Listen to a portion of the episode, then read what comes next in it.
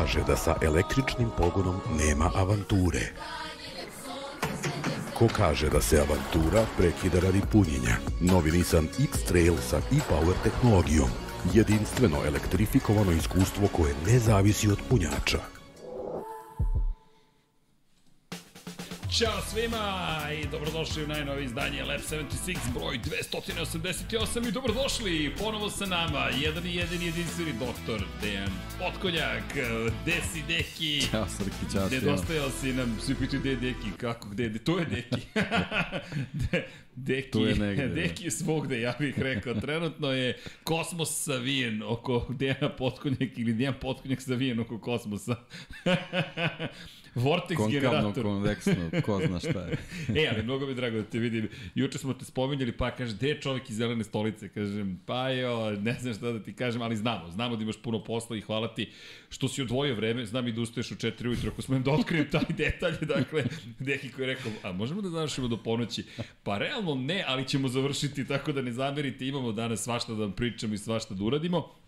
Ono što je činjenica jeste da smo ponovo zajedno nekako ekipa. Vidi, to je ono, we're getting the band together. Braća Elwood, Jake i ostala ekipa mora da se ponovo okupi. Ko nije gledao Braću Blues, postoji samo jedan film, Braća Blues, onaj 2000, Ne, ne. To, to nisu Braća To Blues. se ne važi. To je neka šala, to se neko šalio grubo. Tako da, pogledajte filmove, mi to volimo i naravno, mazite Dobri se i filmovi, neka su bili bioskopi, onako. Dobra mesta. Da, i, da, i mada vidi, možda u kinoteci kada budu braća blues da sve pozovemo. Sećam se, prvi put sam ga gledao u bioskopu Balkan. A. Čak, čak i te neke ovaj, Jel detalje. Balkan pa. postoji više, sada više ne. Pa, postoji zgrada, ali nisam Postoji siguran da unutra zgrada, nešto ima. Da. Ali srebrnog platna više ne, nema. ne. Da, ali topla preporuka, eto, krećemo od Moto Grand Prix nove senzacionalne sezone, tako što vam kažemo ljudi, pogledajte Braću Blues kao film, to, topla preporuka.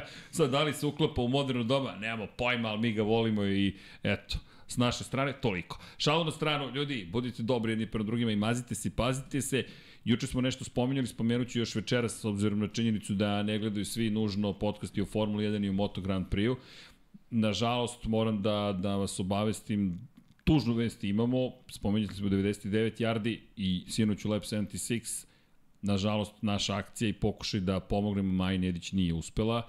Maja nas je napustila prošle nedelje, sahrana je održana u subotu i sav novac koji ste donirali, uplatili, koji eventualno nije već prebačen, pošto i juče bilo donacija, nisu svi čuli tokom uvoda u podcast da Nažalost, Maja više nije sa nama, sav taj novac će biti prosleđen nekome za koga Nenad Milunović, naš dragi prijatelj i kolega, novinar, komentator, čovek pre svega, bude odlučio da li će to biti nekom detetu ili nekom drugom, to ćemo sa Nenadom da se dogovorimo.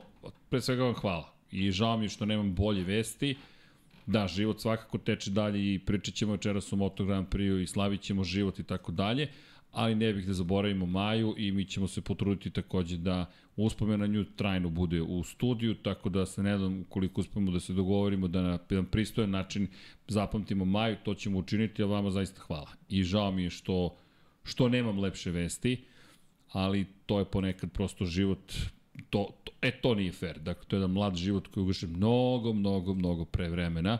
Ja vas molim, Deki ima majicu koja dovoljno govori o tome, roze boje, pre neki dan je bio dan upravo toga da se proveri da li postoji karcinom dojke, to je svaki dan treba da bude. Tako je, bukvalno svaki dan. I mesec u oktobru mi smo uvek u roze bojama, ali kao što Deki kaže, to treba svaki dan. I spomenut ću kompaniju koja nema nikakve veze s nama, sponzorski ili poslovno, Grand Kafa trenutno organizuju, to već neko vreme traje, akcije besplatne mamografije, devojke prvo kreće, pre svega devojke, od kontrole, dakle, ličnog zapravo pre, le, pregleda i ukoliko bilo šta je sumnjivo, ja vas molim odmah kod lekara, obavite pregled, što se ranije detektuje ukoliko nešto postoji, veće su šanse da može da se zaleči. Kada je reč o Maji, samo kratko, već jednom uspelo da se izbori s karcinomom dojke, drugi put, nažalost, nije. Pa eto, iz te perspektive, zaista ne bih nikakve, nikakve plašljive priče, već samo jedna ljudska, ljudski poziv da povedemo računa jednim drugima. A što se tiče kažem onoga što negde donosi budućnost iz te perspektive, mi ćemo se potruditi Maju da zapamtimo. I večeras ćemo pričati svakako onim lepšim stvarima, ali čisto za sve oni koji eventualno nisu znali da, da znate šta se dogodilo i saučešće svakako izjavljamo porodici. Kada je reč o Moto Grand Prix, pa da, večera ćemo se zaista potruditi da, da jedva čekamo zapravo početak sezone, da i kroz ovu priču podsjetimo na to koliko je zapravo život lep. Koliko je lepo, mi nalazimo neki smisao u ovome što radimo. Luka je, Spasovski u Luka i Kuzma 150. izdanju pre dva dana deki rekao nešto surovo, ali toliko istinito i toliko i predivno isto vremeno. Kaže, ja Srki ovde nisam još trebao nekoga ko hoće manje da radi. Ovde svi hoće više da rade. rekao, ne znam da li je to kritika ili pohvala, ali deki zaista ovde kogod uđe hoće još nešto da uradi I svi se pitamo da li smo dovoljno dobro nešto uradili, a ne kako ja da izbegnem sada da nešto radim. I ja mislim to je zapravo najveći kompliment koji smo dobili svi zajedno ovde, tako da eto, mi ćemo nastaviti da radimo ovo nama, da je smisao, pa eto, nadamo se da ćete ga zajedno s nama naći u ovoj sezoni, koja deluje da će biti uh, prilično luda, moram tako da se izrazim. Prilično drugačije. prilično drugačije, hvala. Hvala, nedostajan si mi neki, kažem ti. U, prošle nedelje je bio Kung Fu, pre dve nedelje takođe bio sam solo i rekao, čekaj, šta sad? Ne, prošle nedelje je bila Jelena, pre dve nedelje solo, šta sad? Gde, ko, kako, Miksa je čak ušao u Lab 76, tako da on je stigao u Lab 76 pre, nego što si ti stigao 99 yardi. Tako da, mislim da bar sledeće godine kad stigne 99-ka neki kick-off. bi bilo to sasvim u redu. Ali deki, ljudi, samo kratko. Stigla je sezona! Jeste svesni da je došla sezona? Ja ne mogu da danas smo na sajmu, tu nam je kolega, prijatelj sa sajma, komšija, dakle, pozdrav i pričamo i svi prilaze. Dve, dva pitanja postoje. Za Formulu 1, ja mogu i tebi da pitam, hoće li neko pobediti da nije Red Bull? I drugo pitanje je, ko će da pobedi u sprint trci? Moji odgovori su ne znam i ne znam. I to je sve što mogu da vam kažem. Ali Deki, imaš neki ne, za komentar? Prvi, za, prvo, za prvo, za prvo znamo. pitanje pitajte George'a Russella, on, on, on, on mi sve rekao. Ovo, a za ovo drugo, ajde sad ćemo nešto da krenemo da pričamo pa da vidimo da li ćemo doći do nekog odgovora, ali čisto sumnju. Da, mislim da je to nemoguća misija. Samo za one koji žele da znaju, ovo je inače jubilarna 75. sezona svetskog šampionata u motociklizmu. Dakle, jubilej ne mali slavimo, brzo mi idu ove godine. Pre pet godina sam stajao u Barceloni kada se slavio 70. izdanje i bi razmišljao o tome, ok, kao, znaš da je 75. izdanje, evo ga, pajing, već se desilo. Ljudi, pred nama je jedna neverovatna sezona. To je moje mišljenje. Ja ću pročitati... Zato što... sledeća sezona će biti mnogo bitnije. Tako je, neki.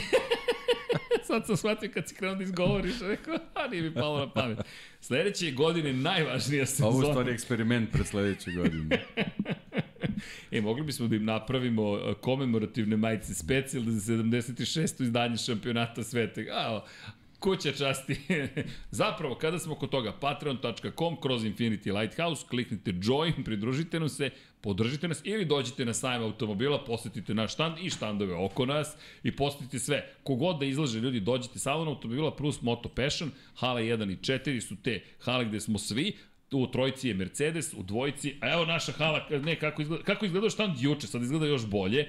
Inače, ukoliko se neko pita šta sve tu ima, sa leve strane ma, naša mala, lepa foteljica za vožnju, jel te tu deki ja obaramo svetske rekorde, majice su tu, knjige su tu, fotografije su tu, ponavljamo izlužbu Valentina Rossi, pošto smo u Moto Passion, jel te, delu hale, red je da bude motociklista, a ovaj Kawasaki Ninja ZX14R koji vidite, je inače pravljen za američko tržište za trke Dragstera zapravo, street legal popularni naziv, ali ima jedan fenomenalni izduv, drugačije malo, šira zadnja viljuška, produžena i međuostovinsko rastojanje, međuostovinsko rastojanje malo duže nego što smo inače navikli kod tih ninja. Inače, on ima nekih 15 godina i to je poslednji, to je najmoćniji ninja pre H2.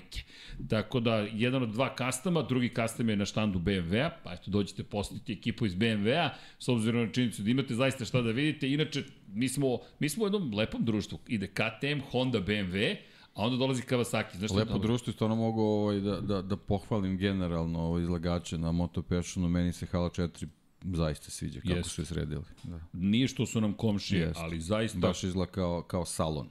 Baš izgleda salon. Da. Mi smo se potrudili, nadam se da nismo da. podbacili, razočarali. Ja mislim da je naša izložba opet specifična, jedinstvena, ali moram te reći, pogotovo ekipa iz BMW-a napravila tamo pa samo bašticu što nisu celo izgrade, rekao deka ide je cross, Deliblatsku peščaru, samo što nisu dovukli, tamo je Huskvarna preko puta, pa ima čak i Loncin, ko, se, ko je zaboravio, Loncin se takmičio 125 kubika pre To se ja sećam, 12 godina, neki se sećaš, oni su čak imali, ako se ja dobro sećam, Loncin je imao zapravo postavljen cilindar na dole i zapravo je ako se dobro sećam, kolenasto vratilo bilo gore. Potpuno jedan bizaran moment gde su gravitacijom hteli zapravo taj, da obrnu ciklus. Šta Iskreno radi sećam gravitacija? se imena samo, ali nisam ovaj... Luda ekipa. Zapazio te detalje, Šta su sve radili, da. Čast. Ali, ali zaista dođite, posetite i uživajte. Mi spomenju sam i Nissan danas i ne znam, Renault, ma ne znam koga nisam spomenuo, evo nešto mi skreću pažnju. Šta treba da skrenemo pažnju? Markeza da? i A ne, to, A ne. to smo već gledali. da, inače, tako da eto, veseli smo, dođite da se družimo, ali kao što rekao, to 75. sezona, mnogo pitanja, ko će da osvoji titulu, da li mogu protiv Ducatija, šta će Fabio, ali Mislim da je red da predstavimo glavne glomce, aktere i naravno kuće kojima pripada. Ovo je sada kao Rome i Julija. Znaš, kao ko je, ko, ko, ko je, ko je u kući ih pripada. Dakle, imamo kuću koja se zove Aprilia, o njoj imamo dve porodice, Aprilia Racing, zvanični fabrički tim, i Crypto Data RNF Moto Grand Prix ekipa. Fabrički vozači na RSGP-u, kako se zove Aprilia zvanično, Maverick Vinales, Aleš Espargaro, Na prošlogodišnjim verzijama Aprilia RSGP, Raul Fernandez, Miguel Oliveira, koji su stigli u RNF koji je bio Yamaha prošle godine, to je velika promjena, četiri Aprilia od ove godine imamo u šampionatu sveta, zatim kuća, najveća kuća Ducati. Ducati Lenovo tim, fabrički tim. Pra, Prima Pramac Racing, Inače, timovi koji će koristiti GP23, najnovije verzije. Zatim Gresini Racing Moto Grand Prix ekipa i Muni Ver 46 Racing Team. Porodice Gresini, to jest Rossi. Desmo Sedici GP22. Ko vozi 23? Fra, fabrički vozači, Francesco Banjaja i Enea Bastianini. Zatim u Pramaku Joan Zarko, Jorge Martin i u Gresiniju, tu imamo promenu, zapravo u fabrički tim je stigao je Nebastianin iz Gresinija. U Gresiniji je stigao Alex Marquez sa Honda, a Luka Marini i Marko Beceki ostaju u Muniver 46 ekipi kao i prošle godine. Zatim, Gas Gas, nova porodica, iako pripada de facto KTM-ovi porodici, samo da znate, bodovanje za Gas Gas u šampionatu konstruktora ide u kuću KTM-a zapravo. RC16 je u pitanju, za oni koji eventualno ne znaju, i to je isti motocikl koji ima i fabrički tim KTM-a, Gas Gas Factory Racing Tech 3 ekipa. Inače, do svih spomenutih do sada, sve su italijanske, osim RNF-a, koji je malezijski, ovo je francuska ekipa Tech Trojka, i Augusto Fernandez i Pole Spargaro su novi vozači Gas Gasa. Zatim, Hondina porodica, to je kuća, LCR Honda i Demicu, LCR Honda Castrol. Dakle, imamo podelu u okviru LCR-a. Zatim, Repsol Honda ekipa. Inače, na Monako se vodi LCR, to je zvanično tim iz Monaka. Iz Japana Repsol Honda. RC213V je njihova mašina. Takaki Nakagami, Alex Rins u LCR-u. I Demicov čovek Takaki Nakagami, Castrolov, Alex Rins. Repsolovi ljudi, fabrički tim, John Mir i Mark Marquez. Zatim, austrijska ekipa, Red Bull, KTM, Factory Racing, KTM, RC16, Brad Binder i novo pridošli Jack Miller iz Ducatija. I na kraju, jedna jedina ekipa Yamahe i jedini još japanski tim u celom šampionatu, Monster Energy Yamaha Moto Grand Prix, YZ RM1, Fabio Quartararo i Franco Morbidelli. Inače, kada pričamo o nekim nacionalnostima, imamo, dakle, bitku Španije protiv Italije, Samo da napomenem, kada je reč o španskim vozačima, imamo 10 vozača iz Španije, kada pričamo o italijanskim vozačima, imamo 5 vozača iz Italije, kada pričamo o francuzima, imamo dvojcu iz Francuske, imamo zatim jednog iz Japana, jednog iz Južnoafričke republike i jednog iz Australije. To vam I je... jednog iz Portugala. Iz Portugala, da za malo da zaborim Miguel Oliveira. Tako je, hvala deki. To vam je... Ipak je ovo njegova emisija. po O, broju. realno ovo će biti i, i, i 2, 2, 8, 8, bravo deki, a i Portugal je prva trka. Poštovanje, dobroveče gospodo, izvolite, ako imate negde mesta, a vi se smestite i uživajte. Dakle, to su ljudi koji će se igrati. Gde će se igrati? 21 trka. Portugal, Argentina, Amerika, Španija, to jest Jerez, Francuska, Italija, Mugello, Nemačka, Asen, Kazahstan, to jest Holandija, zatim Kazahstan, Velika Britanija, Austrija, Katalunja, to jest Španija, Barcelona, zatim Italija, to jest San Marino i Rimini, pa Indija, ukoliko se desi trka u Indiji, Japan, Indonezija, Australija, Tajland, Malezija, Katar i na kraju Valencija, to je ponovo Španija. To su 21 trka. Zapravo, zašto ova istorijska sezona? poslednja pre 76. jel te? Zato što od ove godine imamo sprint trke. I to je, budimo realni, najveća priča koja nas čeka ovoga, o, ove godine. Deki, mi u subotu, svi mi govore, ej, vidimo se u nedelju za prvu trku. Ne, vidimo se u subotu za prvu trku. Pa kao, prva, šta, sprint, ali, ali svi mešaju sa, ne svi, većinom sa Formulom 1. Sprint, pa kao, određuje se startna pozicija. Ne, ne, dame i gospodo, stigli ste u novu eru Moto Grand Prix-a, mi od ove krećemo u sprint trku Plus ćemo u noć između trka imati promenu sata, je tako? Tako da je. Pomeranje, Čisto da. da manje spavamo. Pošto da. je san precenjen i ovako. Interesantno. E, da. I da napomenem još jednu bitnu stvar, kvalifikacije, ukoliko se ne, ne stigne da se održi preko 50% kvalifikacija, one se poništavaju i rezultati koji određuju startni poredak u Moto trojkama i Moto dvojkama se uzimaju iz prva tri treninga, pošto su to treninzi, sad se to zove practice 1, practice 2, practice 3, a u slučaju Moto Grand Prix iz prva dva treninga koji se održavaju u petak. Free practice 1, to jest treći trening, čisto sve bude konfuzno, je u subotu ujutro, a kvalifikacije su u subotu pre podne za Moto Grand Prix, onda idu Moto 2 i Moto 3 i trka sprint je u 3 popodne u subotu, a glavne trke su 11, 12 i 15 i 14.00 za Moto 3, Moto 2 i Moto Grand Prix, uz samo jedno zagrevanje za Moto Grand Prix kategoriju. Ukinuto su zagrevanja za Moto dvojke i Moto trojke, skraćeni su treninzi za Moto dvojke i Moto trojke, produžen je trening broj 2 za Moto Grand Prix, ostao isti za, za Moto Grand Prix trening broj 1, raspored je potpuno haotičan, ja ne znam ko će ovo da isprati, ali to je nova stvarnost u kojoj živim. I, I ono što je poenta... Ne, bit će lakše kad krene sad. Biće. Al Sad ovako, kad se priča, pa je stvarno sve konfuzno, ali kad krene, ući ćemo što zbrzo. Ne mogu da ti kažem. Trening broj 1, Moto Grand Prix klase, dobrodošli u, u kvalifikacije. Ko, prvo, prvo, dakle, ako kvalifikacije postoji šansa da će biti poništene, ti sada u petak već moraš da budeš među vodećih 10. E, ti ne smeš da rizikuješ vodećih 12, ajde, ako ćemo prva četiri startna reda, da, da, da budeš negde 15. u treningu broj 2, jer čekam da budem u treningu broj šta, tri bolj, ne, ne možeš, ti moraš da budeš fenomenalan, ti si i u suprotno si ozbiljnim problemima. I mi sad dolazimo u situaciju da zapravo imamo šta?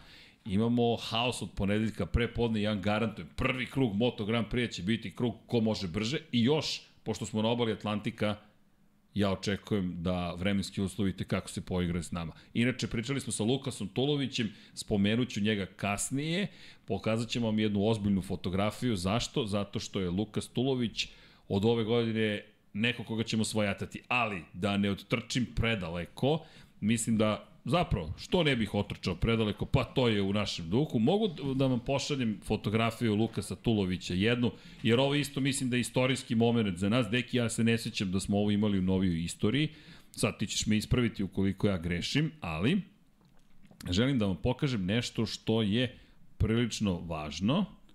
Evo, sad ćemo da vam pošaljemo jednu informaciju. Imate pozdrav inače od Lukasa Tulovića. Stiže na Slack ovo što sam upravo uradio, a to je, pozvaću vas sve da zdušno navijete kako za njega, tako za Martina Vugrineca u Junior GP-u.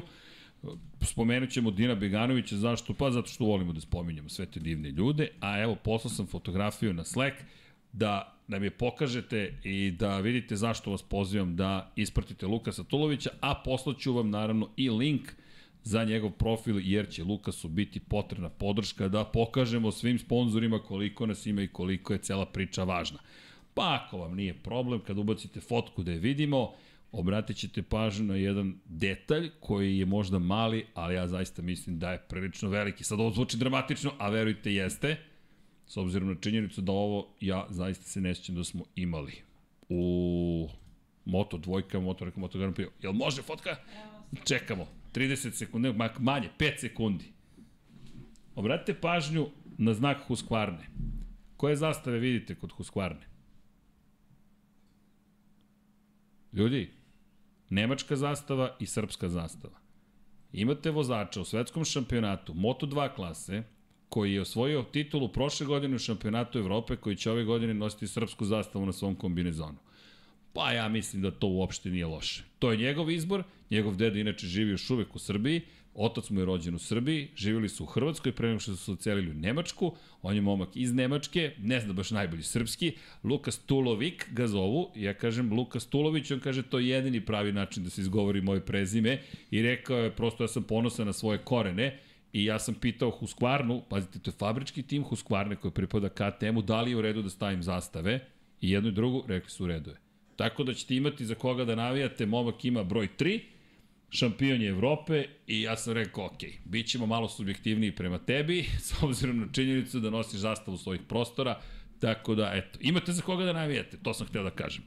Makar ja mislim da je to vredno navijenja. Ali, da se mi vratimo ovoj priči, neki sprint trka, promene u rasporedu. Ja ne znam, osam dok... Odakle da krenemo? Francesco Banjaja brani titulu. Da li Fabio Quartararo ima Yamahu koja može da mu pruži dovoljno za, za, za neki otpor?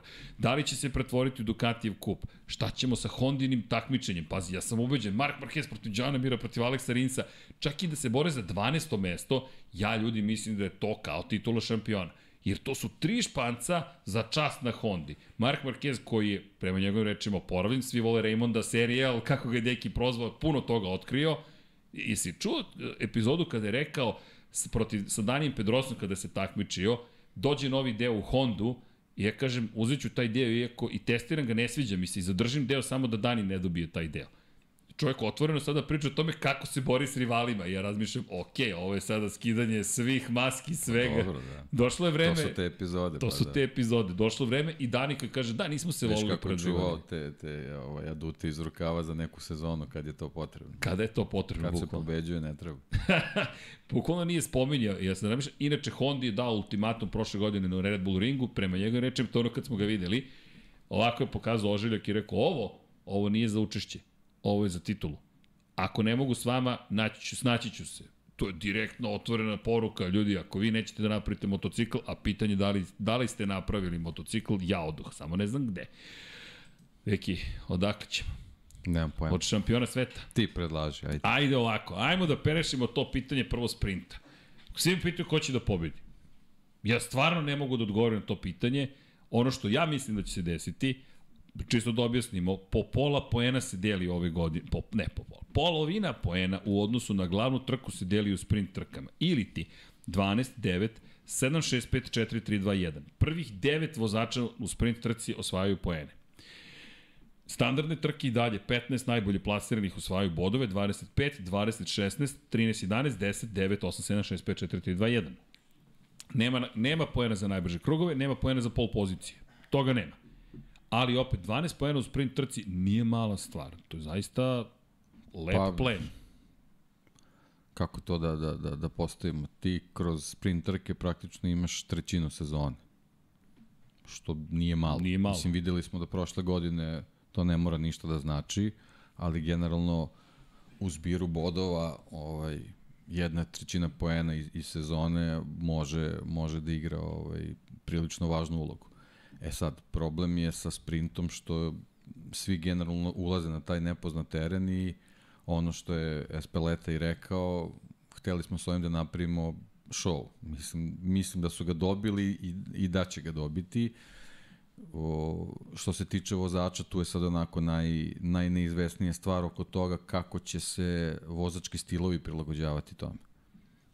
Jer ti imaš imaš agresivne vozače gde smo videli da ovaj generalno u onom da kažem sad već starom formatu trka sa ovim novim novom generacijom motocikla to baš i nije dobro prolazilo, međutim oni sad imaju tu svoju subotu gde mogu da, da dođu do Gume do, se neće do potrošiti. Tako je, međutim opet sa druge strane neki od njih su već izjavili da, da, da ovi motocikli sad uh, ne trpe agresivnost, da moraju prilično ovaj, pažljivo da se voze, a sa druge strane imaš i vozače kojima takvi motocikli odgovaraju, ali takvi motocikli neće biti baš podesni za sprint.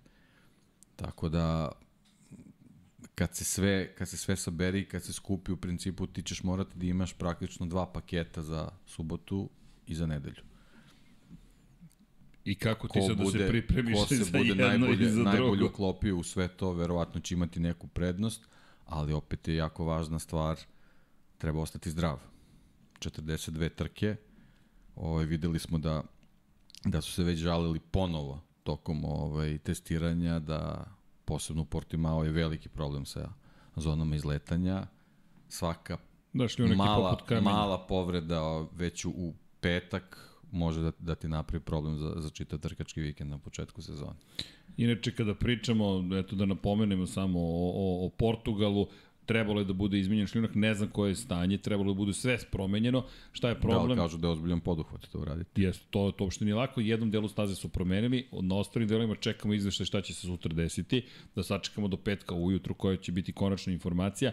Inače, poput kamenja je, zapravo kamenje jeste u suštini na zon, u zonama izletanja, ne radi se o sitnom šljunku i o sitnom kamenu, već o kamenju koji ozbiljno povređuje vozače godinama unazad i to je najveći problem za Portimao kao da se više razmišljalo uprkos činjenici da se ovde već dugo trkaju motocikli o automobilima, a ne o motociklima, to je motociklistima, tako da to čekamo da vidimo zapravo šta će se na kraju desiti.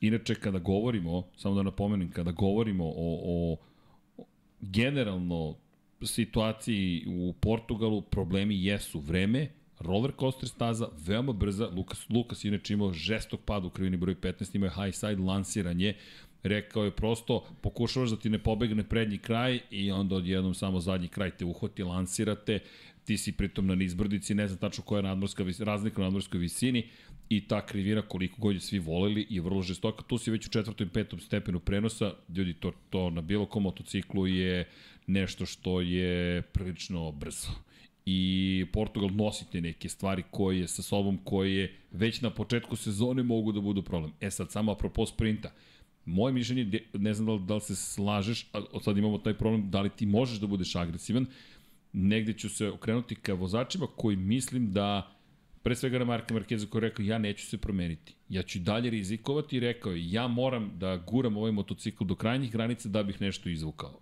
Prošle godine, kako bi otišao na, na, na miran način na četvrtu operaciju ruke, rekao nisam hteo da prelazim tu granicu. Sada, uz potpunu fizičku pripremljenost, priznao je, moja leva ruka i desna ruka nikad više neće biti iste. Desna ruka ne može u potpunosti da se oporavi kao nekada, četiri puta sam operisan na istom mestu, ali najbolje što sam mogao sam uradio i ja sam spreman. Sad, šta je pitanje? sprint, ja mislim da će on ići na rizik. I mislim da je to za njega velika šansa, istovremeno za sve one koji nemaju Ducatije pre svega, jer Ducati djeluje da ima ozbiljnu tehničku prednost, tehnološku prednost, i da je to šansa da pokušaš da ipak se na neki način nametneš. Ukupno 252 pojena možeš da osvojiš u sprintu, maksimalno, da pobediš u 21 sprintu, 525 imaš u glavnim trkama, ostaje taj pitanje opasnosti, ali ja mislim da si upravo da ćemo dobiti show u, veću subotu 3 popodne, po lokalnom vremenu. Da, mislim da će, da će te sprinterke ovaj, prilično odgovarati vozačima koji u određenim elementima vole određene staze. Tako da ćemo tu verovatno dobijati neke pobednike za koje ne bismo mogli da pretpostavimo da, da u, u Grand Prix trkama u punom formatu mogu da, da konkurišu za, za pobedu recimo sa pol pozicije. Sprintevi će biti nešto sasvim drugačije. Ne, i, i to ono što mene zanima u subotu, da dobijemo najzad odgovor na misteriju. Ljudi, ne znamo šta će biti u sprintu. Mene deki pogotovo izdržljivost guma zanima, jer veliki broj vozača ne može da odveze celu trku da sačuva gume. Upravo to. Upravo Ovo sada to. otvara da. šansu. Da otvara ti šansu da kažeš, ej, imam 20 i jednu trku u kojoj ću voziti polovinu pa eto, kruga. Ajde, ajde, hoćeš da krenemo sa imenima. Ajme. Konkretno, što se tiče 22. Meni su dvojica vozača na, na, na umu. Mogu da pogađam? Ajde. Jorge Martin. Dobro i ko bi mi bio drugi u toj situaciji. Nisam siguran da ćeš ići na Žana Zarka, pa ću reći Jorge Martin, ko bi još tu mogao da bude? Hm. Ko je tu nestao? John Mir. Ne, ko? Pa, mislim, nisam na njega mislio. A, da, da, da, nije sad da, okay, da si dao netočan odgovor da, da. na Fabio Diđan Antoni. A, Diđa, može, Diđa, Diđa će biti, da, da, može, može, lepo. Lepo deki, ali za Martina sam bio da. siguran, jer Martin, ne, ne, Martin rođen je za sprint. Wonder, to sam rekao, šta. to je to, to. Ne, ali obojci nam je, to je, da. to je kao prvi koji ti iskoči, meni Marquez da. prvi samo na osnovu njegove, njegovog istorijata, ali da. I general, generalno njegov, njegov psihološka ustrojenost vezana za motogram pri mi ide ka tim sprintevima, da će, da će ovo, ovo biti sezona gde ćemo ponovo dobiti to ime tamo gde trebamo da, da, da ga imamo. Da, I pazi ono što, me, što mi sad pada na, na šta je onda možda, da, izvini, možda o, dobra stvar. Pričamo. ovaj, u nekoj teoriji sa dobrim rezultatima u sprint trkama bit će možda opušteniji na, na to nedeljnim htio, trkama. Isto sam htio da izustim, jer to ti daje samopouzdanje. Tako je. Bukvalno, ti si sad odjednom pobedio u nekoj trci i dobio si pehar neki, možda je manji, možda manje vredi, možda se ne piše u Grand Prix rezultate, ali čekaj, ti si pobedio, popeo si se gore na pobedničko postolje, svirala se tvoja, intonirala se tvoja himna, ti si kralj dana i vodiš u šampionatu sveta. Kako, kako će ta ceremonija da će biti neke medalje? Vidi, nemam pojma, vidiš da se to sada kombinuje, Ja. malo medalje, malo pehari, malo ovako, malo onako, ali dobro, miks. Degradiraju se neke stvari, ali dobro, nećemo da, da, da, da idemo na, na tu stranu. Da, pa vidi, show sa sobom donosi te rizike, novitete, ne znam ja. E, moram nešto da primetim, što sam zaboravio da kažem. Nažalost, ovo je sve što je ostalo od Suzuki-a. Komisijski su uništeni. Nažalost, uništeni su GSX-RR-ovi. Ne postoje više motori o kojima smo pričali za one koji ne znaju, kojima su Alex Rins, John Mir prošle godine vozili, kojima je Alex Rins pobeđivao. Ne postoje. Japanci su rekli, nema, uništavamo ih. Nema ih u muzeju, ne postoje. Katastrofa, dakle sad su spajalice, otprilike to je to, ali Suzuki i dalje tu sa nama. Inače, pokušali smo sve da izvučemo na, na videlo, dakle, Danija Pedrosu, KTM, Monsterovci su tu, Red Bullovci su tu, Repsolovci su tu, Suzuki tu, Fabio Peko, naši duksevi, ko želi shop.infinitylighthouse.com. Moni, to je 12. 72. Beceki i dalje Suzuki majice za Joana Mira. Čekamo da odemo na prvu trku pa da nabavimo neke nove stvari i naravno krčketi koji će jednog dana biti ponovo proizvedeni. Ali to je neka druga priča. ali da vidiš, da, DJ mi nije pao inače na pamet, ali da, i to isto sam pomislio, čekaj samo pouzdanje ti skače, ti si pobedio, ti si pobedio sve. Ali naravno i koji je rizik kad tako kreneš da ideš na Maverick moment i ne mislim Vinjales, već ideš da budeš Pa dobro, Probijač. kažem, ima vozača koji, koji imaju takav stil vožnje.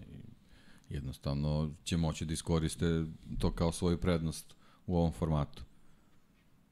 Vidi, ja se smejem zato što razmišljam, ne mogu da uopšte koncipiram u svojoj glavi kako će sprint izgledati. Pri čemu, kvalifikacije, Q1, Q2 i ta priča o treningu. Za, zašto kažem, ljudi, morate sa, da budete u petak, morate da ispratite petak. Ja, ja se ne šalim. Petak, trening 1 za, za MotoGP je u 11.45 po, dakle, centralnom evropskom vremenu. Kada govorimo o treningu broj 2, on je od 16 časova i traje ceo sat. Dakle, to je razlika, 45 minuta traje trening 1, trening 2 za Moto Grand Prix traje, traje ceo sat. I tu se definiše potencijalni startni poredak. A svakako se tu definiše šta? Ko direktno ide u Q1, ko, ko ide direktno u Q2, ko će kroz Q1 da se bori za, za prolazak dalje. Tako da u petak nema više pauze. Pazite, koji je to sad pritisak? Inače je bio pritisak, ali ti sad dolaziš u situaciju da ti moraš u petak već da voziš kvalifikacijne krugove. Nema pauze. Tako da više nećemo imati onaj opušteni četvrtak što se njih tiče. Da, ja mislim da taj četvrtak polako isto nestaje, jer ti sada već imaš dramu. Koliko smo mogli da ih vidimo po padocima, sad Pa ja mislim šta budu morali po obavezi da urade, da će to pa biti da, to. ali mnogo više briefinga će sad imati svojih zbog petka nego, nego sa nama. Pa, pogotovo sada u Portimao su testirali i to je sad konačna priprema. Ono što je zanimljivo jeste kakva je prognoza vremenska. Evo ga za Portimao, čisto da napomenemo, trenutna prognoza kaže da će biti mestimično oblačno, ali bez padavina. U subotu sunčano. Temperatura od 14 do 24, to jest od 13 do 21 u nedelju, nešto, nešto hladnije. Mada nam je Lukas danas rekao da je bilo dosta hladno u jutarnjim časovima i prilično vlažno, s obzirom na činjenicu da vlažnost vazduha obično skoči, tako da će biti vrlo zahtevno u treningu 1. Mislim da će trening 2 biti baš kvalifikacioni trening, predkvalifikacioni trening i da ćemo tu zapravo vidjeti ko se kako spremio za ovu sezonu. Tako je, ovaj, ja čak očekujem možda i neke diametralno suprotne rezultate u odnosu na zimske testiranje. I šta oče, jel, ili imaš neko konkretno predviđanje ili generalno Pa osjećaj nemam, da će ali, biti ali mislim da, da ovo sve što smo videli tokom zimskih testiranja da nije ovaj da nije pravo stanje stvari osim što se mislim da, da, da stvarno možemo da kažemo da su Ducati i Aprilia malo malo iznad ostalih, hajde da iskoristimo to. Ajde da ne budemo bude sad, rezervisani, ali, da, da. Ali deluje mi da, da, da jednostavno im- imaju dobar put. Pazi, 8 Ducatija, 4 Aprilije. To je 12 motocikala, sve italijanski motocikli, koji mogu da izdominiraju tim ko jedan, zapravo trenizima 1 i 2 i dođeš u situaciju da je 10 njih otišlo deluje kao da će Fabio Quartararo biti jedini koji može da ih ugrozi na čisto talenat i brzinu i još neko eventualno iskoči iz te cele priče po onome što smo videli. Ali se slažem s tobom, ajmo da budemo strpljivi i da vidimo šta zapravo se sve tu krije.